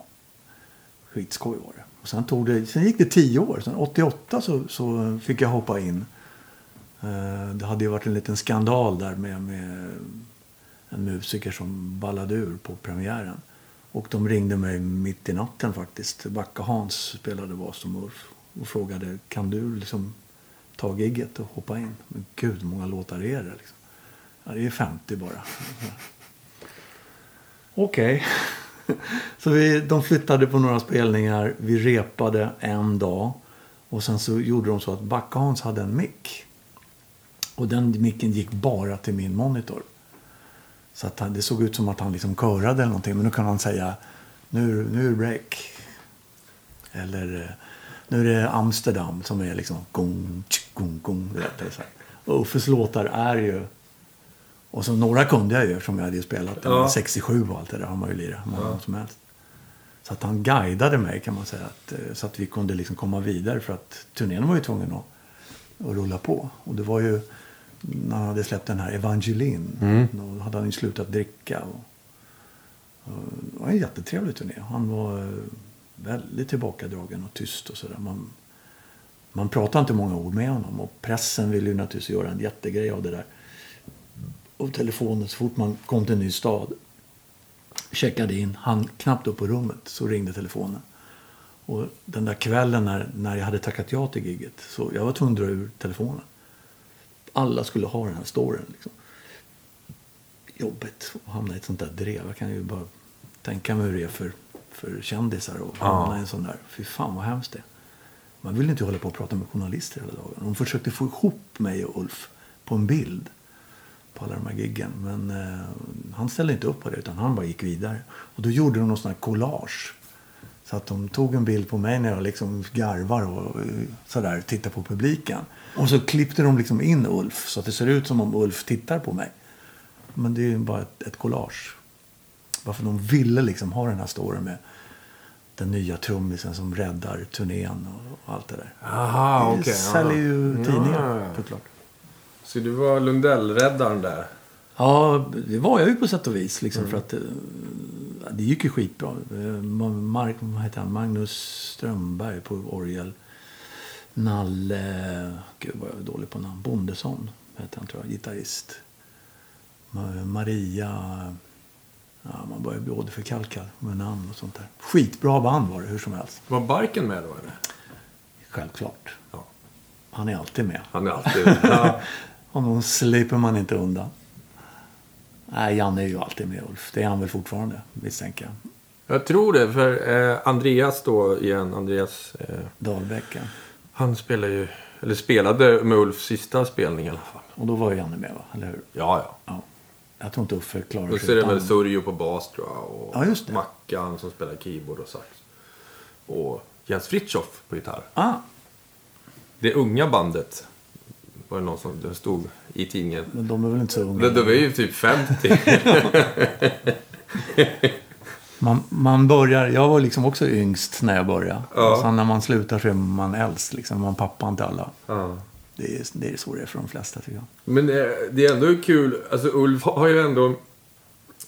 Jag tror att jag har spelat med tre Ulf Lundell-trummisar.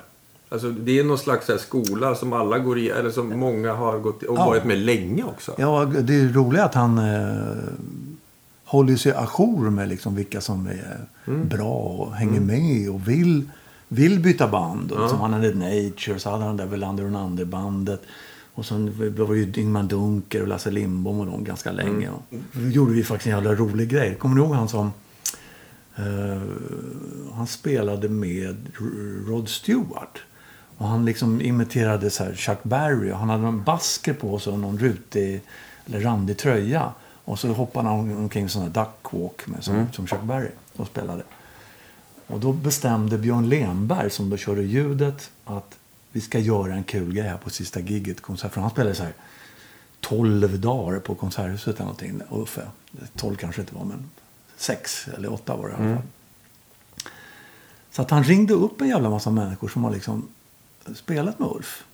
Kom ner till giget, ta med någon form av gitarr. Den ska inte pluggas in. Ta gärna med en basker och en, och en randig tröja. Och så, så hörs vi liksom, ni ringer mig eller ni knackar på den dörren när jag kommer in. Så, Okej, så jag, hade någon, någon, någon planka hemma där som jag tog med mig. Och så hittade, hade en basker faktiskt, för det hade jag haft när jag spelade med Dahlgren. Basker. Och jag fattade inte liksom riktigt vad som skulle hända. Så, och då är ju pågår ju gig- gigget där uppe. Och de börjar komma till de här 67 rock-låtarna. Och då var det ett gäng med folk där. Stig Wig var med. Han har ju spelat, aldrig, aldrig spelat med Ulf Lundell. Nej men han, det är cool. Han, han får vara med. Så att, och Malla var med vet jag, och Velander var med. Och jag tror att de var inkopplade sen. Så vi går upp på scenen på 67. 12 pers eller något sånt där var vi. Och kör liksom den här grejen med duckwalken och allting. Och bandet fattar ju ingenting, de bara på att skratta på sig.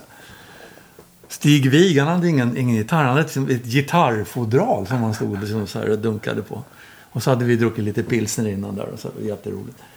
Och sen så läser man liksom, sen var det lite party så här. Sen dagen efter eller några dagar efter så läser man den här recensionen då. Där den här journalisten han är helt lyrisk liksom. Att avslutningen, det här klimaxet när 12 av Sveriges bästa gitarrister joinar liksom Ulf och bandet på sig. 12, vad det var ju 12 fyllskallar liksom. En var kanske inkopplad, ingen kunde lira. Han har helt missat hela grejen liksom. Kan, hur kunde han höra de här 12 gitarrerna liksom? Det bara blev så i hans huvud. Men han såg ju och det här och bara... Ja, han kände ju inte igen oss. Liksom, du vet. Underbart tycker jag. Backa Hans, han kunde knappt. Pelle Alsing var det på trummor då faktiskt, kommer jag ihåg. Han höll på att skratta på sig. Han kunde inte spela liksom. Och 67 är ju ganska eh, krävande sådär. Man, det krävs lite muskler att spela den. Det tar aldrig slut heller. Det är några verser. Det är några verser, eller hur? Fan vad kul. Roligt. Har du mer sköna stories? Du har ju spelat med så här... Ja, men Rickfors nämnde du. Du har kört Magnus Lindberg. Eller har du proddat honom? Eller har du spelat Nej, jag har spelat mm, på en jättebra skiva med, som heter Som natt och dag. Tror han heter. Fantastisk. Han är ju skitbra. Jag vet inte vad han gör nu för tiden faktiskt. Men Grymlings och det där var ju bra. Men det är ju ett tag sedan nu. Jag vet inte vad Magnus gör. Vi spelar tillsammans, men är det... Det är snart tio år sedan. Ja, så åren går. Ja, Då då- var Lasse Tenander också med. Jag, vet inte, Ah. jag har inte sett någon av dem sedan dess. För Lasse har ju jag varit med och proddat lite grann. Ja. En skiva. Jag, jag älskar ju liksom Magnus röst. Han är fantastisk. Den här, den här som natt och dag. Den är jättebra den här plattan. EMI. Vi gjorde mycket på EMI med Kjell Andersson då. Det, det blev det. Och sen eh, Basse måste man ju nämna. Vi gjorde en jättebra platta som Rickfors producerade tror jag. Med, med en gudabenådad gitarrist som heter Roffe Färdig. Som också tyvärr inte lever längre. Spelar sla eller sån här, vad säger man? Inte pedal steel utan lap steel. Ja, lap steel, ja. Skitgrym. Alltså, jobbat med Basse i ma- massor med år. Det är också en jättebra skiva. Också EMI. Uh, ja, gud alltså. Rutger Gunnarsson måste man ju prata lite om. Den här fantastiska basist alltså. Eh, så himla lätt att spela med honom. Och han är otroligt följsam. Och jag berättade ju tidigare att jag var rätt usel på noter. Och Rutger och jag hamnade på något gig. Eh, för att då förväntar man sig att när musikerna läser noter behöver man liksom inte repa så mycket. Utan alla ska ju liksom bara kunna man kan. Ja, man kan spela liksom. Här står det, spela. Och då var alla arrangemangen var, eh, var tre sidor. Utom ett som var två. Och så är det bråttom och det var någon tv-inspelning tror jag. I Örebro eller något sånt där. Vi var på någon utomhusscen. Och vi repade ju liksom lite grann och var förberedda. Och jag hade en sån här eh, Walkman så jag brukade spela in repen. Så kunde man sitta då som lurar och liksom titta i noterna och försöka komma ihåg hur det var. Det var bara att när vi kom eh, till slutet då på den, det var, ju, det var ju två sidor. Det låg sidan tre på nästa låt liksom. Förstår du? Den låg ju ja, bakom där. Och jag var lite stressad och såg inte då liksom slutet där. Så jag fortsatte liksom att spela på sidan tre på nästa låt. Och alla var ju fågelholkar utom Rutger som tillsammans med mig för att efter ett tag när man märker att nu har alla andra slutat spela. Det är bara jag och lite bas kvar. Så vi gjorde något litet outro där. Han Ja. på liksom och så ja, var det bra med det. Ingen i publiken tror jag märkte någonting. Men eh, artisten och kapellmästaren och de andra musikerna undrade vad fan håller de på med? Liksom. Nu har och, så, de druckit. och så garvade vi efteråt. Ja, det är klart. Rutger var ju liksom en otrolig... Den här Welander och andra plattan är jag väldigt stolt över också. Gud vad han spelar bra där. Där är även Backa Hans med. Jag måste berömma Hans också. Han är också en sån där... Det är liksom aldrig några problem. Man, man pratar samma språk. Mm. Man behöver inte titta i något lexikon. och Vad menar han nu? Liksom, utan det är... Popmusiken, rockmusiken blir så självklar på något sätt. Man, man, Är det för att man har samma referenser också? så ja, att jag, man kan, jag vet inte liksom. kan man säga så här, är- polis, Ringo. Ja, fast man säger aldrig. Man Nej. säger aldrig, utan man bara vet det. Okej. Man känner att så där ska det vara. På något magiskt sätt. Och det är väl därför liksom vissa människor gillar att spela med varandra. Och andra kanske man gillar att spela med, men det funkar inte liksom riktigt lika bra. Sådär. I alla fall är det så för mig. Mm. Så att eh, det är ju mina favoritbasister då. Rutger, ja sen... När, efter hans död så har man ju faktiskt eh, ännu mer lyssnat liksom på alla de här fantastiska basgångarna på ABBA-plattorna. Och det är liksom bara, vilket jävla geni han var. Och hade du frågat honom så hade han nog bara blivit generad tror jag. Liksom. Men vad då inte jag. Det är sådär typiskt svenskt liksom på något sätt. Och, Fast de flesta bra musikerna är ju så här, jo, men jag spelar på lite. Ja, men det är liksom lite självgående. Så jag jobbade med en amerikansk eh, pianist som prodade en Rickford-platta. Och det var första gången jag hörde när, vi, när han satt och spelade eh, innan där så sa jag liksom Fan vad du är grym. Eller, You're awesome som man säger. Ja. I know, sa han. Det har jag aldrig hört en svensk musikant säga. Nej. Kanske nu, men då var det... Han visste ju att han var bra. Mm. Det var, det var ju därför han var här. Han har jobbat med Pointer Sisters och skriver. Han är med på någon Larry Graham-platta liksom och sådär. Så att han var ju grym. Och det visste han om. Och den där tror jag eh, känslan... Det, det, det, kanske, det är inte bara för musiker. Det är typiskt svenskt, jag. Äsch, Ja. inte jag. Men när du träffar amerikaner då öppnar de ju med så här. De kan ju vara åt andra hållet. Jag spelar på den här skivan Ja. och sen säger de vad de heter. Ja, typ. Eller de kan gärna bre på lite. Ja. eh, Man har ju träffat folk som... Typiskt amerikanskt. Svenska musiker står sig väldigt, väldigt bra har vi kommit fram till många gånger. Och det har de ju gjort alltså i 50 Mm. eller 100 år. Svenska musiker är alltid bra.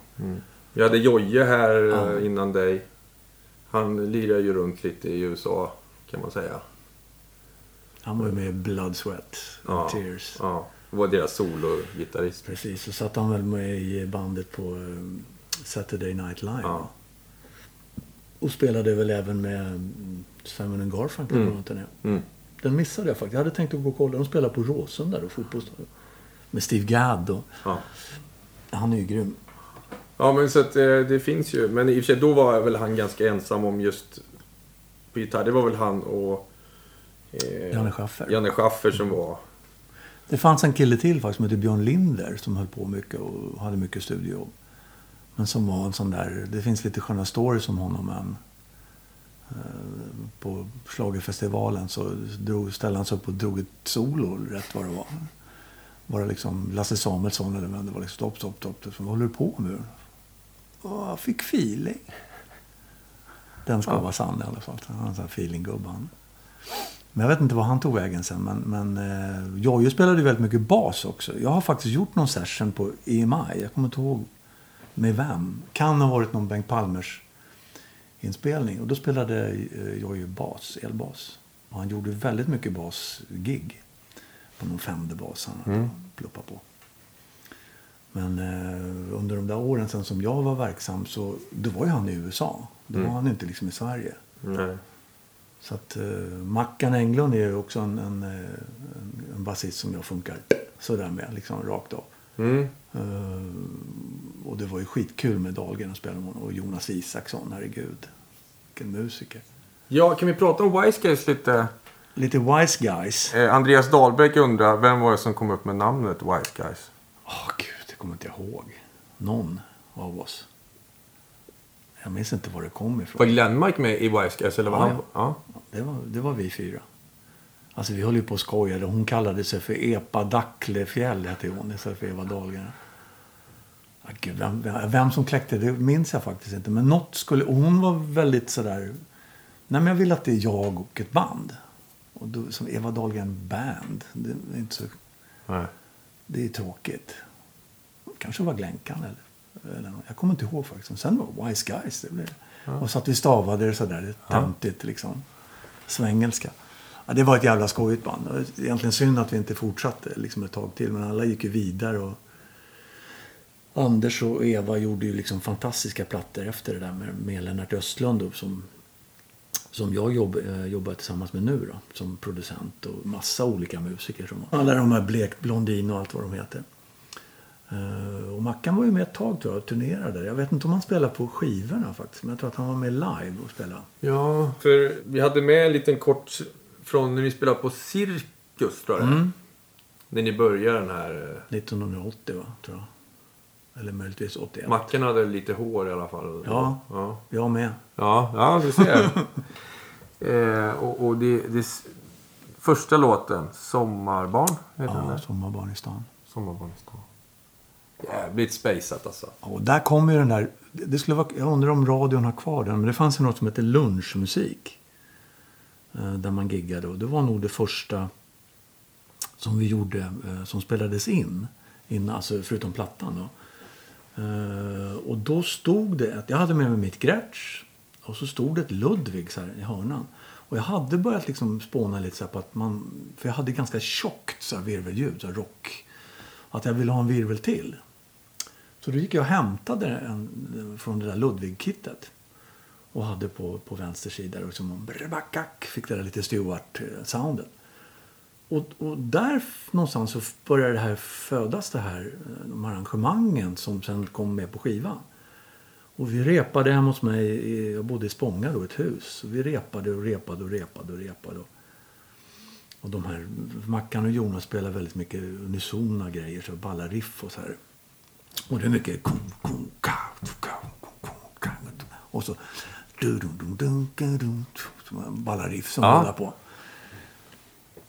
Där liksom formade vi det här soundet som sen blev då på den här första skivan. Så att när vi kom in i studion, jag sparade det väldigt länge. Jag tror jag fick 1100 kronor tjänade Mackan och jag på, den, på grunderna. Jag ramade in det, jag vet inte fan var den tog vägen sen. För att den sålde ju ganska bra den där skivan. Så att vi spelade på en, en dag eller två. Så då hade, var ju alla arren liksom klara. Så det handlade ju bara om... Och, och Anders gjorde ett väldigt bra val då, att ha Rune Persson som inspelningstekniker. Och då var ju också folk så här, Rune Persson, men han är en gammal farbror. Rune hade ju brottarkoll på alla mickar och hur man spelar in och får schysst sound.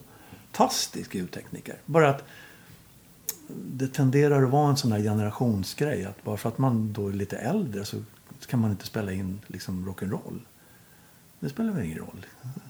Eller hur? Det är så de är, de är ju, då kan man ju yrket liksom. Eller hur? Då behöver man inte stå och gissa liksom. Nej, och han vet ju precis liksom hur man ska... Och Anders, eh, det var ju mycket flygel och sånt där piano. De här eh, häxorna heter väl den där låten med de här stråkarna och det där balla. Liksom. Det är inte alla som kan spela in det. Nej. Jag vet att det, det var massa snack om att liksom, åh, varför tar ni Rune Persson? Eller varför valde du? För det var ju Anders som var producent. Till och med Bruno var liksom tveksam. Sådär, jag vet jag hade något samtal med honom där han tyckte, men eh, ja, Anders, ja, men han är inte så mycket rock'n'roll. Och så tyckte hans farbror om Ja. honom. Jo, men vadå? Anders är ju grym. Här kommer det bli skitbra. Men folk hade lite svårt att se det där. Och Bruno kanske var lite avundsjuk också. För han hade ju då haft kontrollen över Eva innan där med tidigare plattan. Och, som jag också är med på att spela på den här.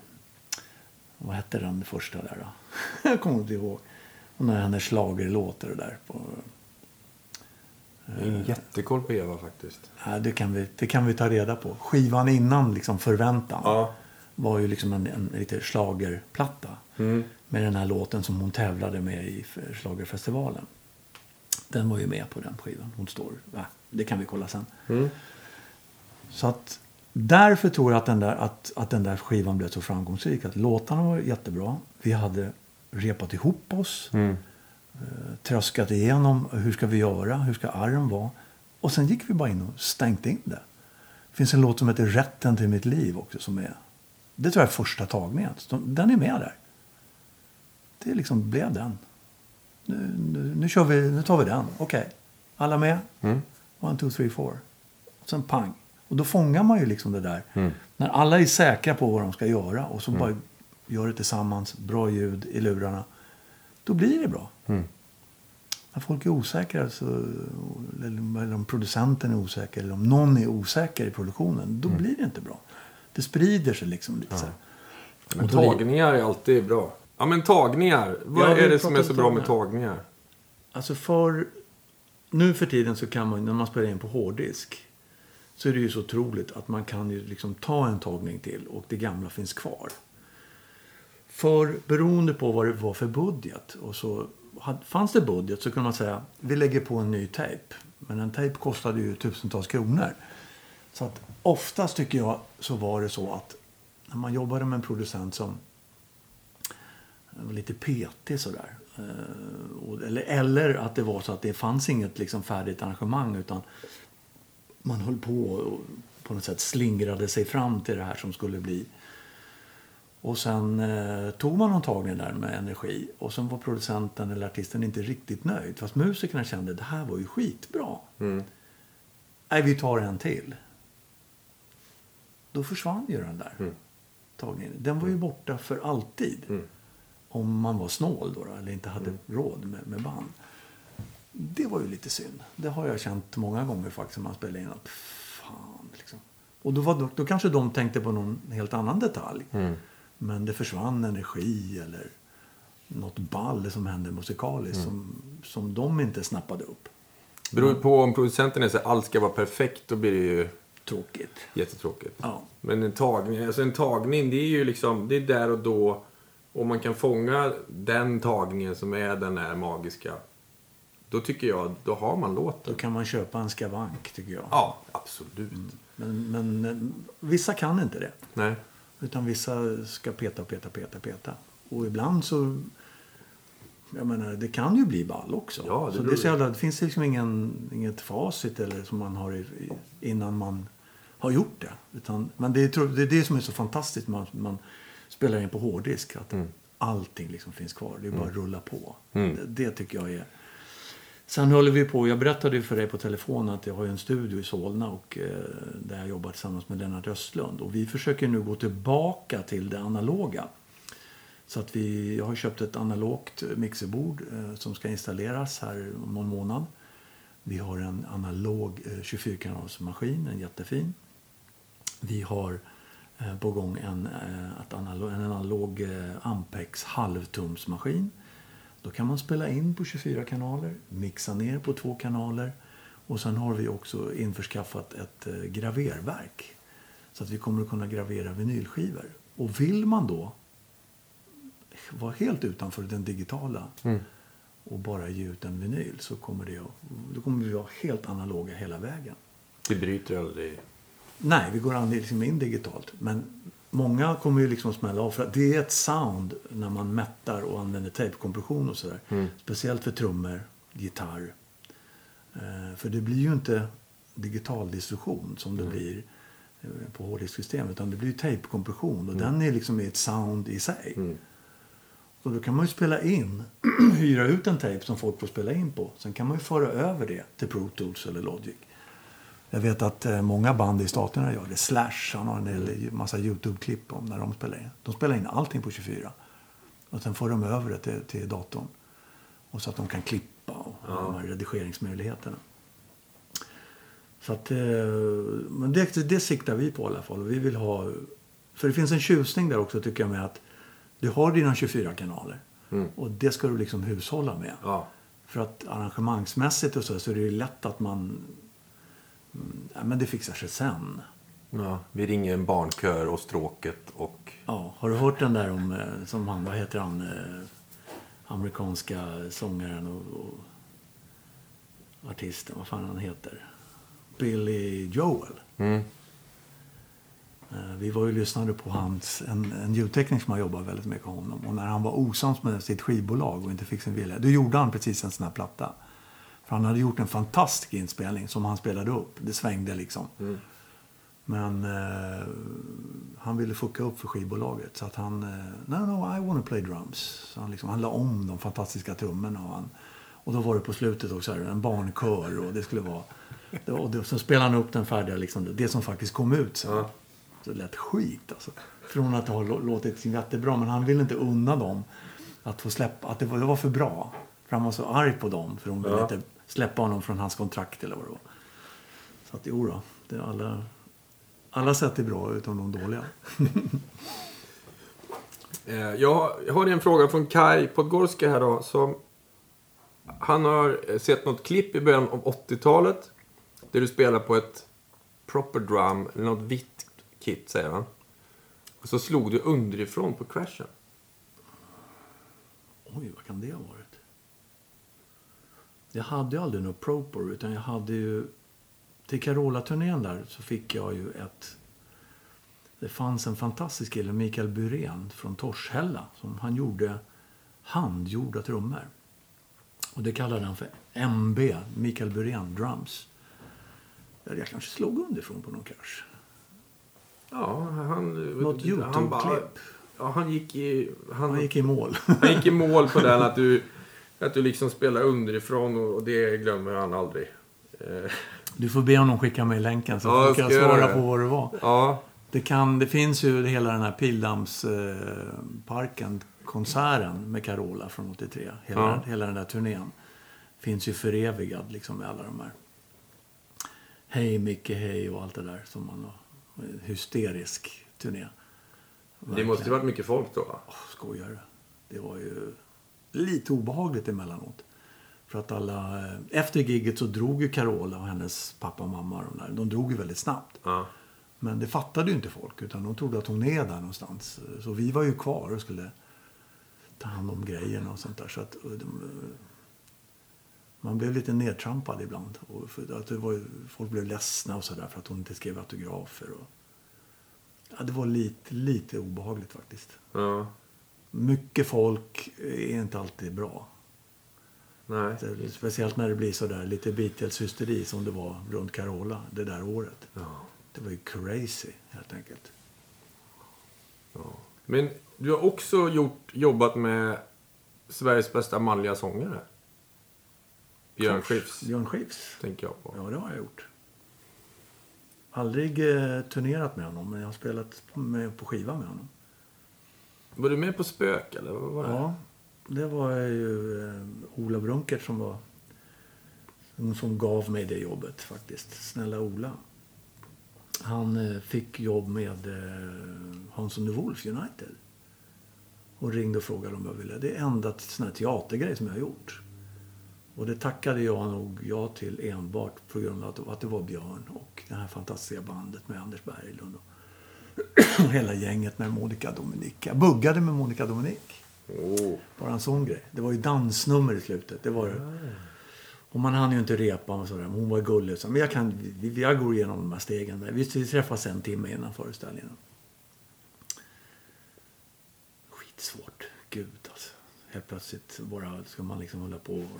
Men hon förde mig på någon vänster där. Så det såg väl ut. Jag var, såg väl ut som en telefonstolpe hon liksom rullade på. Och sen gjorde vi en jävligt rolig grej med när bandet fick avtackning. Det var ju ballongdansen var ju så populär då. Som de hade gjort eh, på Nöjesmaskinen, eller Nöjesmassakern. Och då gjorde vi, fast med kläder på. Och vid ett tillfälle så... För att vi bestämde det, vi gick in från två olika håll och så gick vi in så tackade vi först och så var det, blev det mörkt. Och sen i mörkret då så blåste det upp ballonger så här. Jag tyckte, vad fan liksom de andra, vad håller de på med? Men man, är ju liksom, man har ju fullt upp med att få upp två ballonger, så här, blåsa upp två ballonger på 20 sekunder eller vad man hade på sig. Och så står man i den där positionen som ni vet. Och sen när ridån går upp och ljuset går på, då är det bara jag som har blåst upp den ballongen. Så står de andra liksom bara och kollar på mig. Så, "Fan, vad fan håller du på med? Var mycket sånt där bus. På teatern. Det blir det på teatern. Var Ja, men jätte... sista gigget då ska man jävlas. Ja, det var massa hyss på den där. Och Björn är rolig på att hitta på hyss. Och Anders Berglund är bra på att hitta på hyss. Och då, det hände massa tokiga saker där. Jättetrevligt. Martin Ljung Ja. var en sån grej. Få jobba med Martin Ljung. ja, det är stort. Ja, det är jävligt stort. Jag minns en gång när strömmen gick. Mitt i hans... Har du sett Spök? Ja, men det var ju så länge sedan. Han har ju någon inledande monolog där han, eh, när Björn har kommit, eller när stjärnan har kommit till det här slottet för att få lugn och ro. Och så håller han på och pratar där och så poff så gick strömmen. Jag tror nästan vem som helst hade liksom typ gått av scenen eller någonting. Och han står med den här masken, du vet, som den här betjänten. Och, så börjar han prata på sin pitemål där. Och, om när jag var grabb. Han bara börjar berätta historier. Och håller på i den där kvarten eller vad fan det tog för dem att få, få strömmen tillbaka sen. Och alla asgarvar. och Jätteroligt. Och sen kommer strömmen tillbaks. Jaha. Och sen fortsatte han liksom var.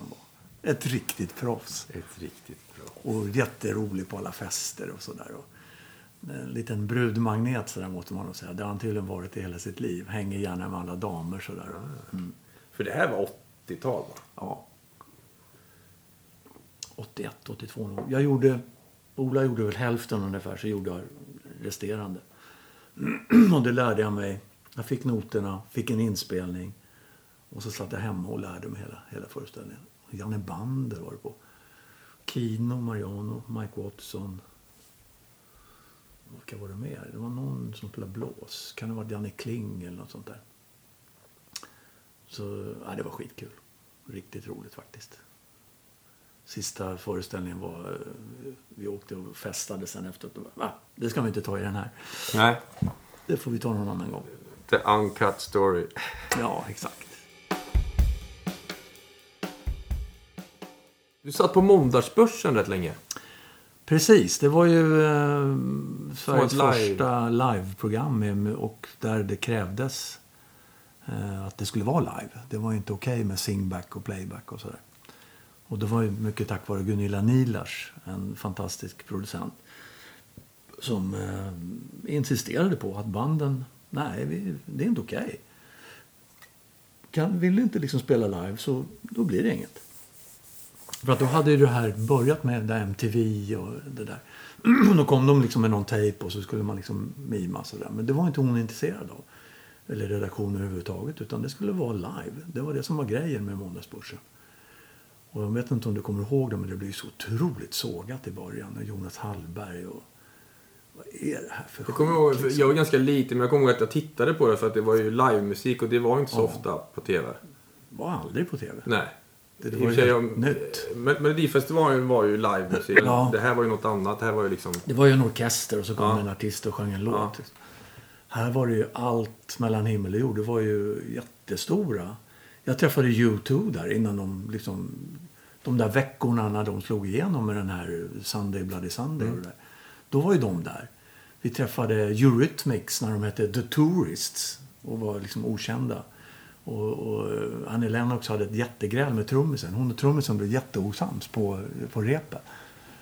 Eh, vi spelade med Billy Preston. Det var en, en jättehäftig upplevelse. För det. Då var jag också lite nervös faktiskt. Man har ju sån respekt för honom. Han hade gjort en skiva tillsammans med, med Stevie Wonders fru, Sarita Wright. Eller henne- var inte gift med henne då, men de hade varit gifta. Stevie prodde en platta med henne. Och så. De hade gjort en skiva ihop, Billy Preston och hon. Med en ballad som var Born Again, tror jag den hette, som var en, en jättehit. Eh, och så Rita hade fått problem med rösten, så hon kunde inte sjunga. Och då accepterade de att, att hon fick köra playback. Men Billy hade någon hit där som vi skulle kompa. Så på börsen, vi på scenen där, och så kommer de här två Artisten in. Billy hade cowboyhatt, vet jag. De så hade de den stora pälsar för det var på vintern. Så hade de någon manager och så, så satte de sig bara ner liksom framför scenen på något bord sådär. Och Henkan, eh, kapellmästaren där och eh, Ja, vad händer nu då? Eh, så gick han ner och pratade med managern. Så, uh, Billy wants you to, to, to play, play a little bit. Could you, could you, could you play the song? Så, "Ugh." Okej, okay. tempo nu då. Man blir ju jättenervös på en sekund. Så kom vi igång där och eh, det tyckte jag svängde ganska bra. Och så efter en 16 takter eller någonting så eh, tog han av sig den där pälsen och så tog han några snabba kliv upp på scenen och satte sig i pianot och så liksom nickade han till oss och där. Så, så var han igång så började han sjunga. Liksom. Då, då, han ville ju höra. Ja. Vad är det här för jävla tomtar liksom? Ja. Kan de spela? Men det kunde ni? Det kunde vi. Och det lät skitbra. Så var det så roligt för att eh, jag har ju... När det är de här direktsändningarna när man... Eh, nu gäller det. Så har jag alltid liksom... Inte varit nervös innan men precis när, när, när man går på. Så får jag någon sån här nervositetsgrej. För att alla tittar på trummisen. Och jag ska hålla ordning liksom på tempo. Får man liksom, liksom inte en metronom sådär. Det är jag som ska dra igång allting. Och vid det tillfället när vi skulle kompa Billy då på kvällen. Och jag räknar in och så gör jag något fill och så lirar jag. Så pang, när jag kommer på golvpukan så går högerstocken av. Men då, jag hade, man har ju sån här koger vid sidan. Ja. Liksom. Jag tror inte det var någon som märkte det. Men det hann ju liksom rubba min balans lite där. Så jag hann ju få upp en, en stock och uh, till hi-haten så Ja. så komma igång. Och, så. och då är man liksom där, oh, genomsvettig. Liksom, de där. Och vad var det liksom? Två, tre sekunder. Men fan, jag lirar med Billy Preston och det är live och jag vill att det ska vara bra. Mm. Och man vet ju inte om man är i bild. Nej. Det vet man ju aldrig liksom på tv sådär. Man kan se att det är någon röd lampa men... Man vet ju inte vilken Vart är som- den liksom? Nej. Det finns inga monitorer och så här. Ja, det var skitroligt. Och han var jättetrevlig efteråt. Och thank you, fantastic och allt sånt. Men då gillar han er liksom. Ja, han, han tyckte jag var, han var jättenöjd med oss. Det var Backa, Hans och jag. Jag kommer inte ihåg om det var Anders Nord eller David Karlsson som spelade gitarr. Och sen så, så gjorde vi också ett jätteroligt gig med eh, Rita Marley, Bob Marleys fru. Som var, hon var här, hade gjort någon soloskiva. Och Bob var i Tyskland och var, gick genom den här cancerbehandlingen. Det här måste ju ha varit samma år som han dog eller någonting. Och då var, låg hon på Sonett och de tog upp henne och skulle ha med henne och lansera den här plattan. Hon var jättekul att jobba med. Och otroligt sådär, eh, hon var på. Det var jag och så var det Malando Gassama, fantastisk kongakille på kongas då spelade jag trummor. Och så no, no, no, no, not, not like that. Så, så hon liksom lirade trummor och visa alltså reggae för en, för en västerländsk poptrummis. Ja. Så är ju reggae, det är ju helt spegelvänt på något konstigt sätt. Fixar du det då? På något sätt. Så att det, så att det var okej för henne. Ja, jag kan ju inte spela som, vad nu heter det, The Wailers där. De är ju fantastiska.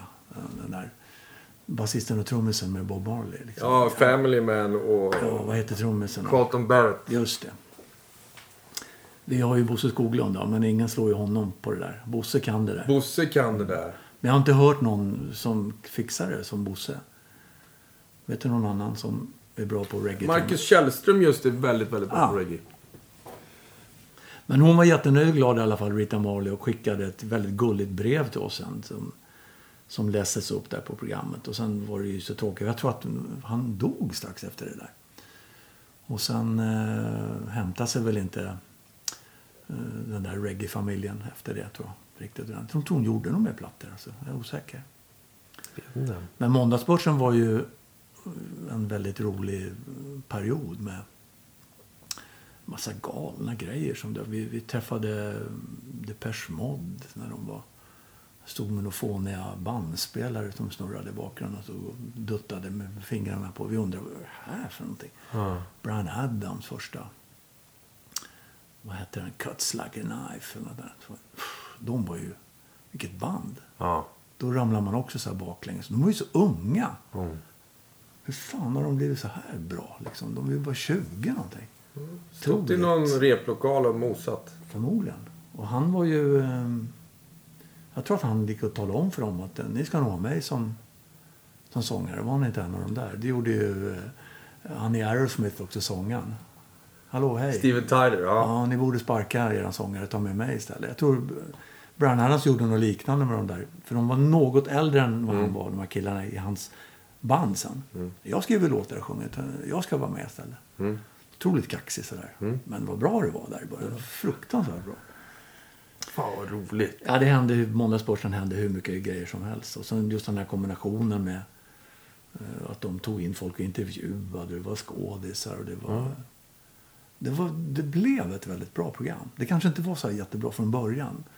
Jonas Hallberg och de här var väl osäkra på också hur programmet skulle liksom... Ja, men jag såg när CC Topp var med och det var så ganska tafflig intervju. Eller så här. Men när CC Topp kom igång och lirade så... ja, då är det ju- Då glömde man det. Ja. Phil Collins var ju med också. De gjorde ju någon... När han var här och, och producerade Annefrid så gjorde de någon ball grej, vill jag minnas. Från. Då hade det flyttat till Vinterträdgården. Från, från Börsen. Just det. Grand Hotels Vinterträdgård där. Och då där någonstans så lades det här med husbandet ner. Vi var med första säsongen tror jag på Vinterträdgården. Och sen så skulle man inte ha något husband. Utan det var liksom olika konstellationer, olika band. Då. Eh, Man träffade Gyllene Tider med Micke Syd och Per Gessle. De, de, de lirade på våra grejer då. På Flickorna på TV2 och allt det där. ja, det. När de kom. Många som har liksom breakat lite där på. Var det inte en när det var Gyllene Tider och Dag Vag på samma så gjorde de någonting ihop? Det var det säkert. De spelade väl Poppy, Top Ja. med Tore Skogman. Ja. Mm. Jag tror att det var samma program. Och det tråkiga, jag träffade ju, tyvärr så dog ju Anders Henriksson här nu för två månader sedan. Eh, och Då var jag på hans begravning. Då träffade jag hela det här gamla Måndagsbörsen-gänget. Och frågade lite grann, åh men tejperna och sådär. Så, åh, tyvärr, de är ju borta. Liksom. Det är lite det Trasan och Bananer. Man återanvänder band helt enkelt. Ja. Så att vi surrade lite grann om, vilket ju vore var en, en rätt rolig idé, att om man kunde, det finns förmodligen körschema på, från de olika programmen, vad, vad innehöll de? Och sen får man skapa någon Facebook-sida och gå ut och försöka få in VHS-er ifrån folk. För det måste ju finnas massor med Måndagsbörsen VHS-er ute i landet. Och försöka liksom, du vet, digitalisera och återskapa programmen. Ligger inte det på öppet arkiv då på SVT? Några grejer ligger där, men inga musikgrejer va? Jag vet inte. Nej, jag tror inte det. För att jag tror inte att de hade... En del kanske ligger där. Den där Tore Skogman-grejen tror jag ligger där. Eh, men allt det här Eurythmics och allt det här som jag har pratat om nu, nej, det finns inte där. De har inte Youtube, nej, de har inte rättigheterna till det. Så att, eh, vilket är ju jättesynd. Det är ju inte bara det programmet. Det är ju massa andra program som har försvunnit också. Liksom sådär mystiskt. Att de inte Mm. har råd med ett nytt band. Apropå tagningar som vi pratade om. Ja, jag jobbar ju på Rubadub Studios ett tag. Ja, Och då köpte Rabadab in från SVT, tror jag, eller om det var Sveriges Radio. Du vet sådär travar med 24 kanals liksom, tejper Som bara var inspelade en eller två gånger. och vad låg det på dem då? Ja, Jag kommer inte ihåg men alltså, Han lyssnade var, aldrig igenom dem. eller? nej, det var någon vi började, det kunde vara vad som helst. Det kunde vara liksom, du vet, i aftondans eller det, liksom, det var bara blandat, blandat. Men eh, de eh, använde dem där och spelade in då. Fan vad de snolar alltså. Hendrix det här som de hittade, det trodde de ju var borta. Ja. Men från Konserthuset som de har gett ut nu, som finns på, på Youtube och sådär. Det dök ju också upp bara sådär.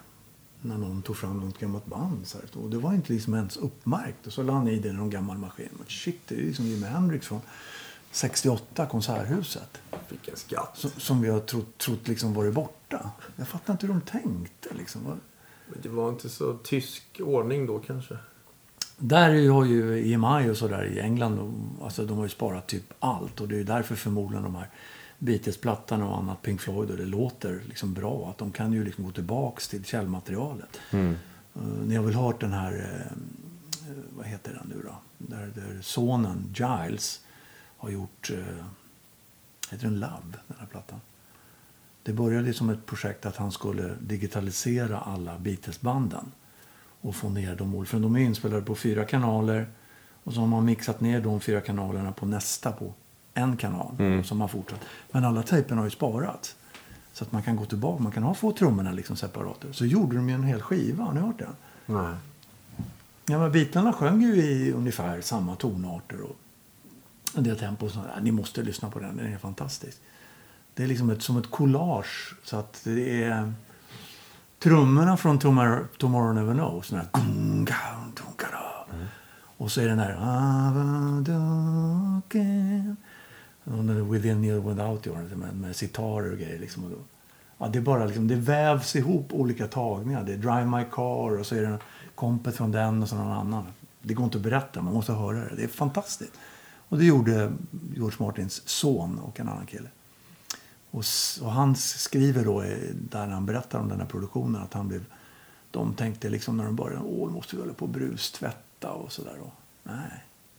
Det är skitbra inspelat. Tejperna är förvarade på rätt sätt. Det var bara att lägga på, föra över.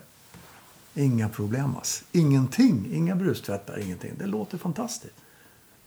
Så att de kunde spela in. Kan du komma ihåg någon så här toppen-gig som, eh, som du bara... När du tyckte att... Det, Några ja, livespelningar. en live-gig liksom. Jag kan ju säga att hela... Vi gjorde Cirkus Broadway med Anneli Rudé. 88. Och då var ju... eh, För Mats Olausson, eh, som spelade keyboard då. Han fick ju sen jobb med Yngwie Malmsteen och började spela med honom. Men den turnén var jäkligt bra. Varenda gig var... Då körde vi Daydream Samba live och sådär. Ja. Det var fantastiskt. Och sen eh, ganska många spelningar faktiskt med Eva Dahlgren som jag minns. En galen eh, spelning på eh, Gutekällaren i Visby. När det var varmt så in i bänken. Och då lärde jag mig att eh, om man sandpapprade av lacken på trumpinnarna så var det lättare att hålla i dem. För att den här jävla lacken med svett, den löste skit. Det blir som liksom Ja, de flög. Ja. bara glider iväg. Då, då upptäckte jag det. Men det var också en sån här magisk kväll. Vet jag. Gutekällaren ett ganska litet ställe. Mm. Packat sådär. En varm sommarkväll. Och vi är liksom det ballaste bandet just nu. Och, och, och vi är jävligt bra och det svänger som fan. Det kommer jag ihåg. Det är här minne för livet. Några gig till med, med Eva som, så här, som man kommer ihåg. Vi spelade någon gala i Finland. Det var bland de sista grejerna jag gjorde. Och det har jag försökt att kolla om, det finns på tuben och så. Ledin var där. Det var någon, någon sån där svensk pop eh, i finsk tv. Okej. Men jag har aldrig sett det. Eh, Men jag minns för då var vi också... Eh, Andreas har ju en favoritlåt eh, som heter Maktstatus. Ja, just det. Som han alltid tjatar på mig om. Det är ett, ett, ett coolt introfill. Eh, innan låten börjar. Så det är en jävligt ball låt också. Och den, den lät också grymt bra live. Och många av de här. Det finns en låt som heter Vill du. Som, och de här långsamma tempona som jag pratar om. Den går långsamt. Suggestivt sådär. Ball. Med fräcka Jonas Isaksson-gitarrer. Eh, Och det hade ju varit jävligt kul att, att kunna höra liksom hur, hur lät det live. Mm. För det var ju då två år efter den här inspelningen som, som ligger ute från Cirkus. Ja.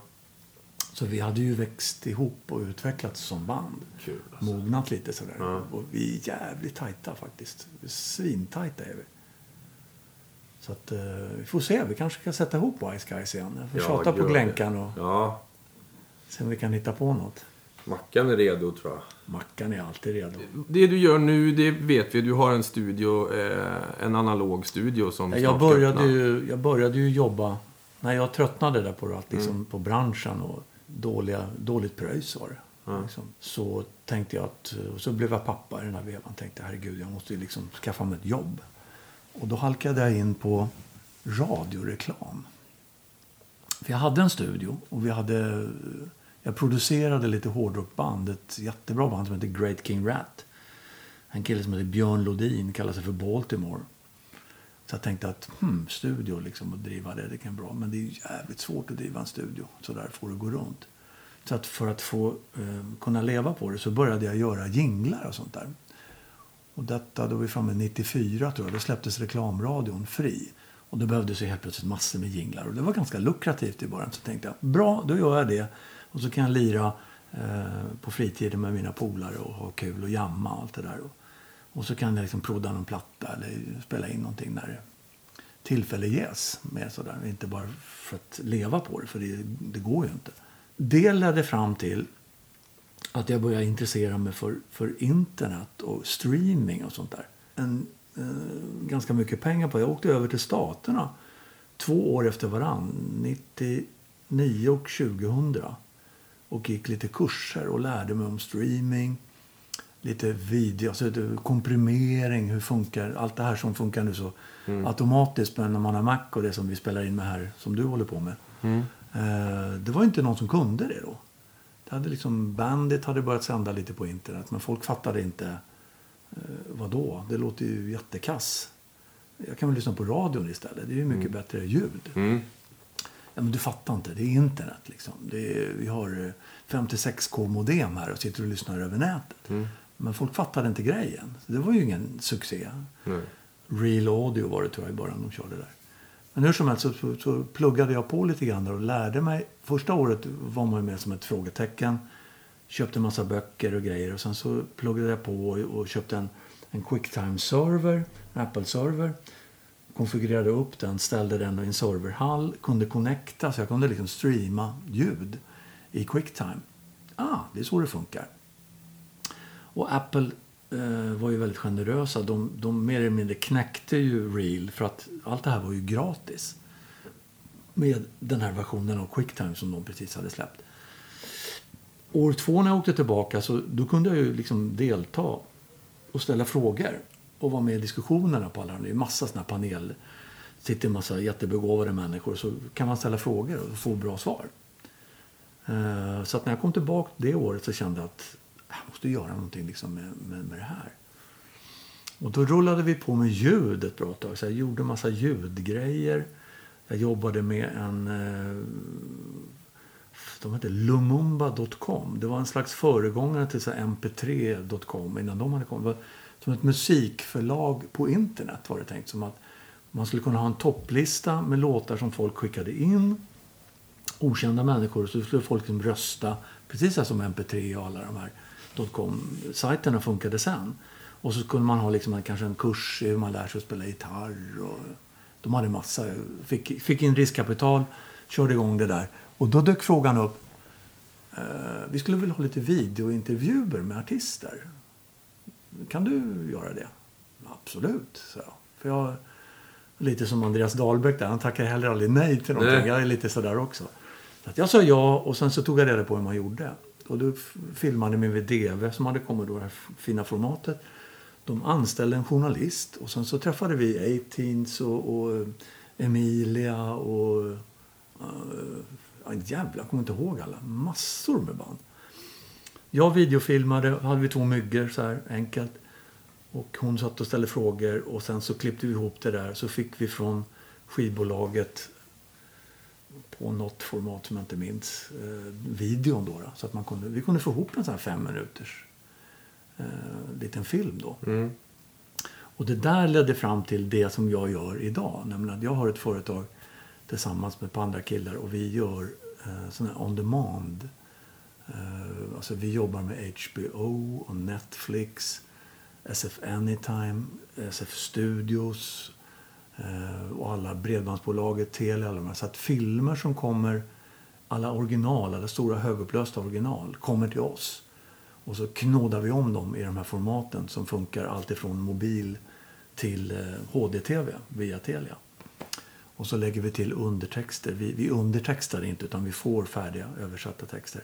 Vi lägger in texterna så liksom synkar allt det. Så vi, vi har 17 anställda och sitter ute i Solna där. Och det är så det som har gjort att jag har haft den ekonomiska möjligheten att bygga den här fina studion som jag har.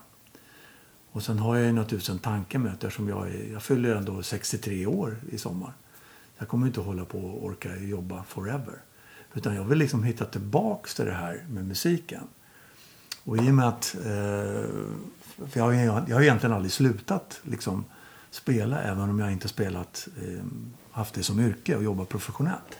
Så trummor har jag ju liksom spelat hela tiden. Så att när jag träffade på eh, Lennart Östlund har jag ju känt, gud, 30 eller 40 år någonting så här. Men vi har liksom lustigt nog aldrig jobbat ihop. Utan Lennart var eh, ung och grön och då var han liksom lite så här eh, tape-up till Mikael B. Tretow när jag gjorde de där inspelningarna med ABBA. Då var han liksom så här i bakgrunden och låg på något band eller ja, gjorde som Micke sa. Så. Ja. Han har haft Micke som sin mentor och som har lärt upp honom. Och jag sprang på honom på en fest på Deluxe Musik. Eh, Och så stod vi och pratade. Och så, jag har alltid gillat Lennart. Han är, så, han är otroligt... Ni vet vem jag pratar om va? Ja. Bra. Och alla ni där ute också. Lennart Östlund är en fantastisk ljudtekniker. Han har typ spelat in allt som ni har lyssnat på på 70 och 80-talen. Allt från Orup och eh, Eva Dahlgren och Louise Hofsten och Anders Glenmark och Ratata och allt det där. Hur som helst så har ju Polarstudion som han då ägde. Den fick ju först flytta ifrån den här så kallade ABBA-studion vid Sankt Eriksbron där. Sen flyttade han till Stadshagen och sen flyttade han till KMH som idag heter Ingrid, tror jag.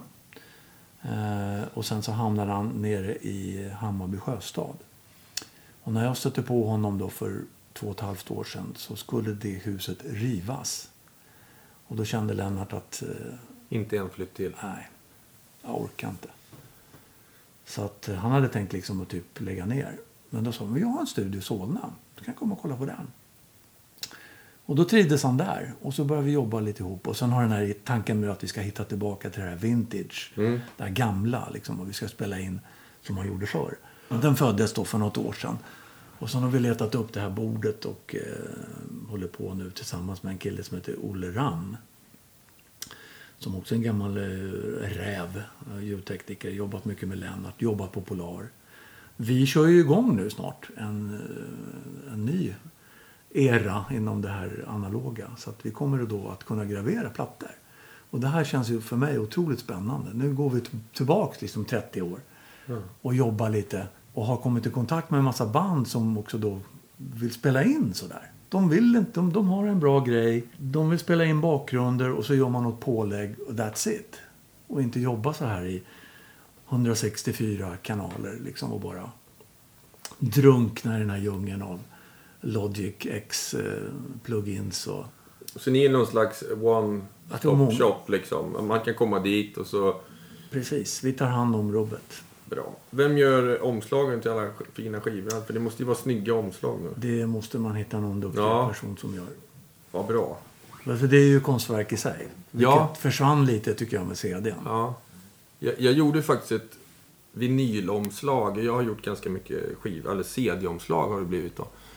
Eh, det finns ju inte längre, men nu så går ju allting faktiskt tillbaka till det här med eh, vinyl. Folk helt- gör helt vinyl, otroligt. för det köper deras fans eller deras lyssnare köper gärna en, En för 250 spänn signerad. Mm. Eh, för en CD-skiva, det är ingen som har en CD-spelare Om man inte har en bil med CD-spelare. Knappt. Så då stoppar man in den i datorn och så läser man in den i iTunes. Ja, nu fin- kan man ju inte ens... Nu finns det ju inte. CD-ingångar på Men, datorerna. men det var intressant det där du sa om, om eh, vinylskivan. För att häromdagen så läste jag att nu i, i USA och England så har vinylförsäljningen gått om den digitala downloaden. Inte streamingen alltså, utan, Mm. utan det digitala köpet Mm. har nu vinylskivan gått om. Mm.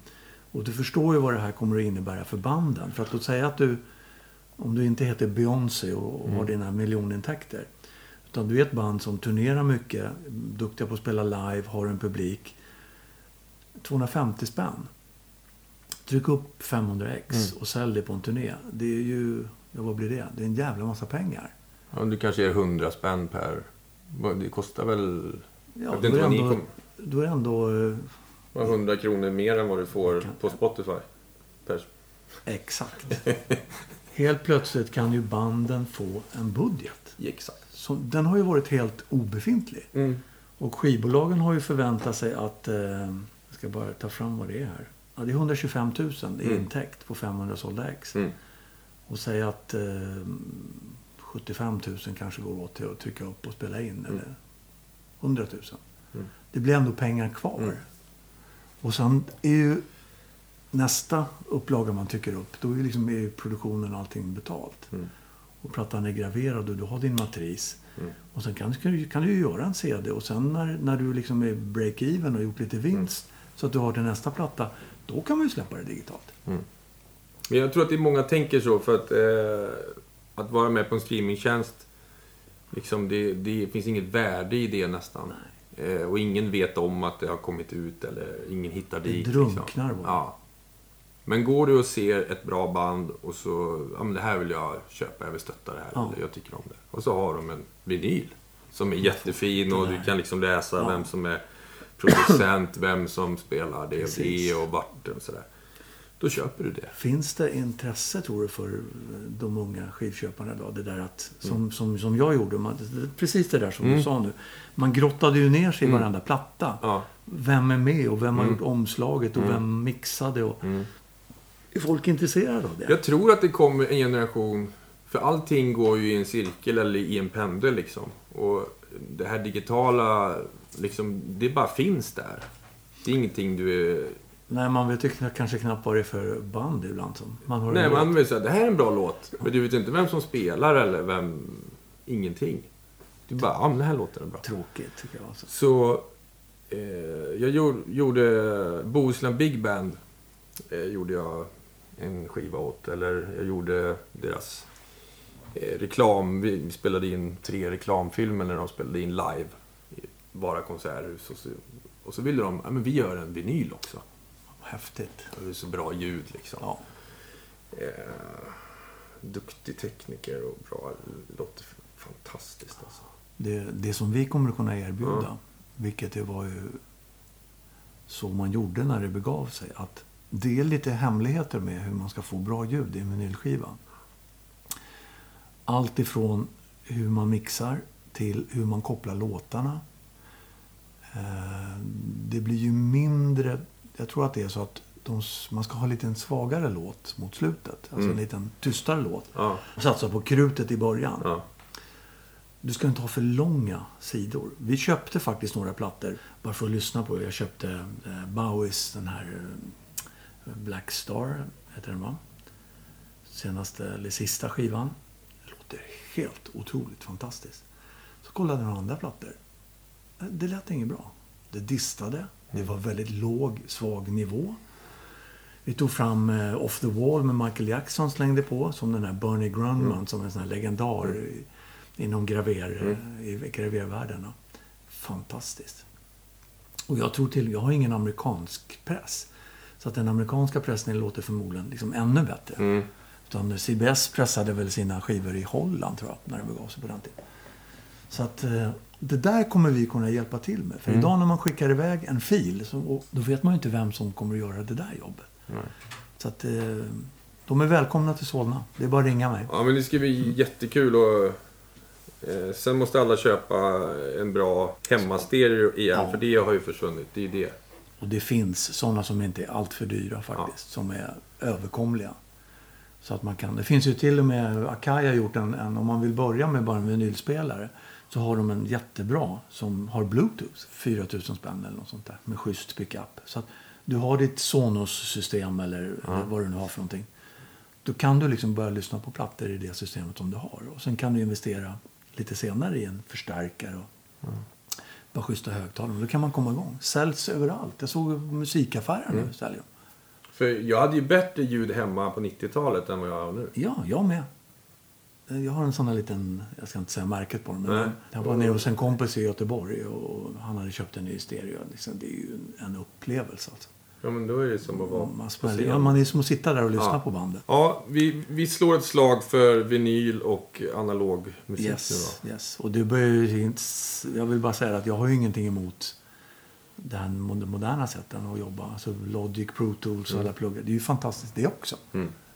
Men eh, Men vill man vara vintage? Ja, som ett komplement. Mm. Liksom, tror jag. För det är ju oslagbart just det där vi pratar om att man kan ta flera tagningar. Eh, den här redigeringen. Att man kan ju faktiskt fixa till. Det går ju att klippa i ljudfiler så att man kan ta bort liksom, saker som... Mm. Man kan flytta slag och... Ja, exakt. Och det gör ju folk hela tiden. Vilket jag ju tycker är lite tråkigt. För att om inte trummisen spelar liksom, eller kompitaristen, om man inte lirar bra från början. Ska man verkligen sitta och... Har man inte fel trummis då? Jo. Om man, om man måste sitta och Men flytta. det är, ingen som hin- det är ingen som har tid eller att bli bra, för det finns inga gig. Det finns inga turnéer. Nej. Alltså det, det går inte att komma upp i de här...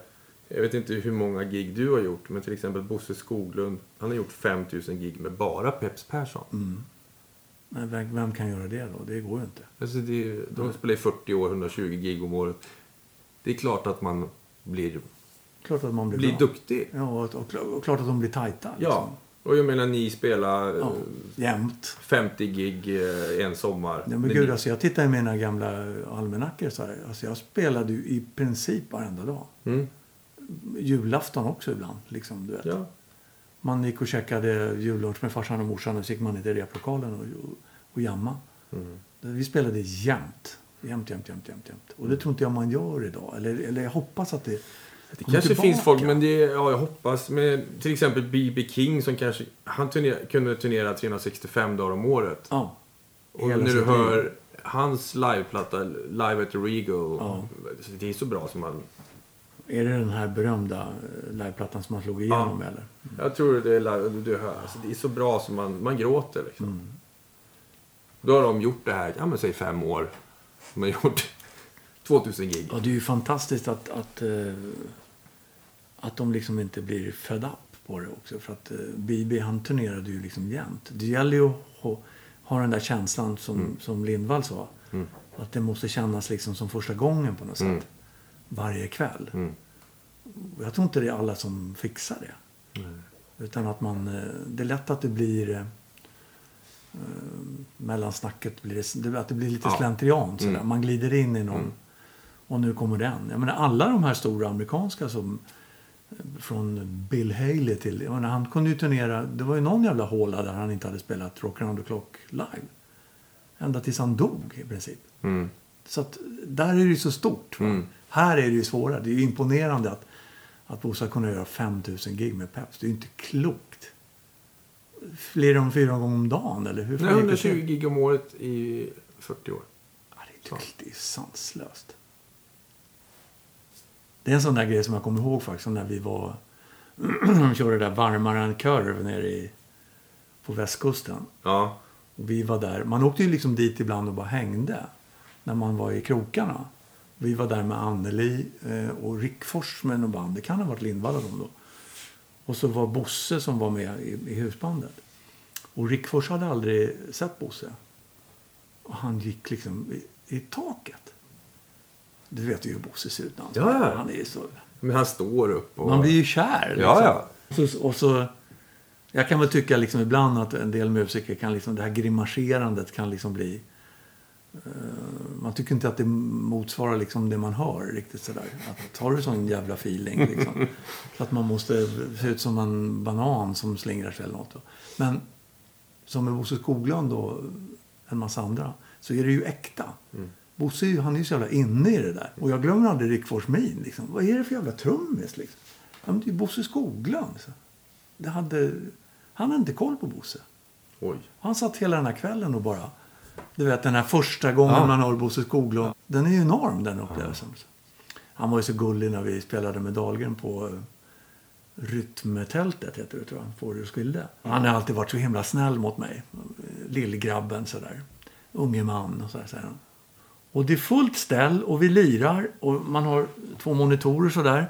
Och rätt plötsligt, vad fan liksom. Då sitter Bosse nere på golvet bredvid min monitor och diggar. Och så, så här som bara han kan göra liksom.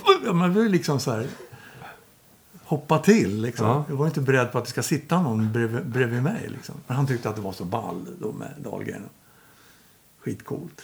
80, 79 eller 80 eller 81 måste det ha varit. Och, och då hade väl de varit där och spelat med antingen Peps eller han spelade med så mycket olika band. Nej, det måste ha varit med, med, med Blodsbandet. Mm. Han är underbar. Ja, men vilket band. Det var Nicke Ström, va? Ja. Eh, Yes. Bumpaberra, Bumpaberra, ja. Silversurfaren. Det var väl de där boysen. ja det, det jag såg på tvn, det var, då var det Jesper Lindberg på Pedal Steel. Ja. Ja, du tänker på Varmare än korvbandet? Är det det du Mm. tänker på? Mm, det var det.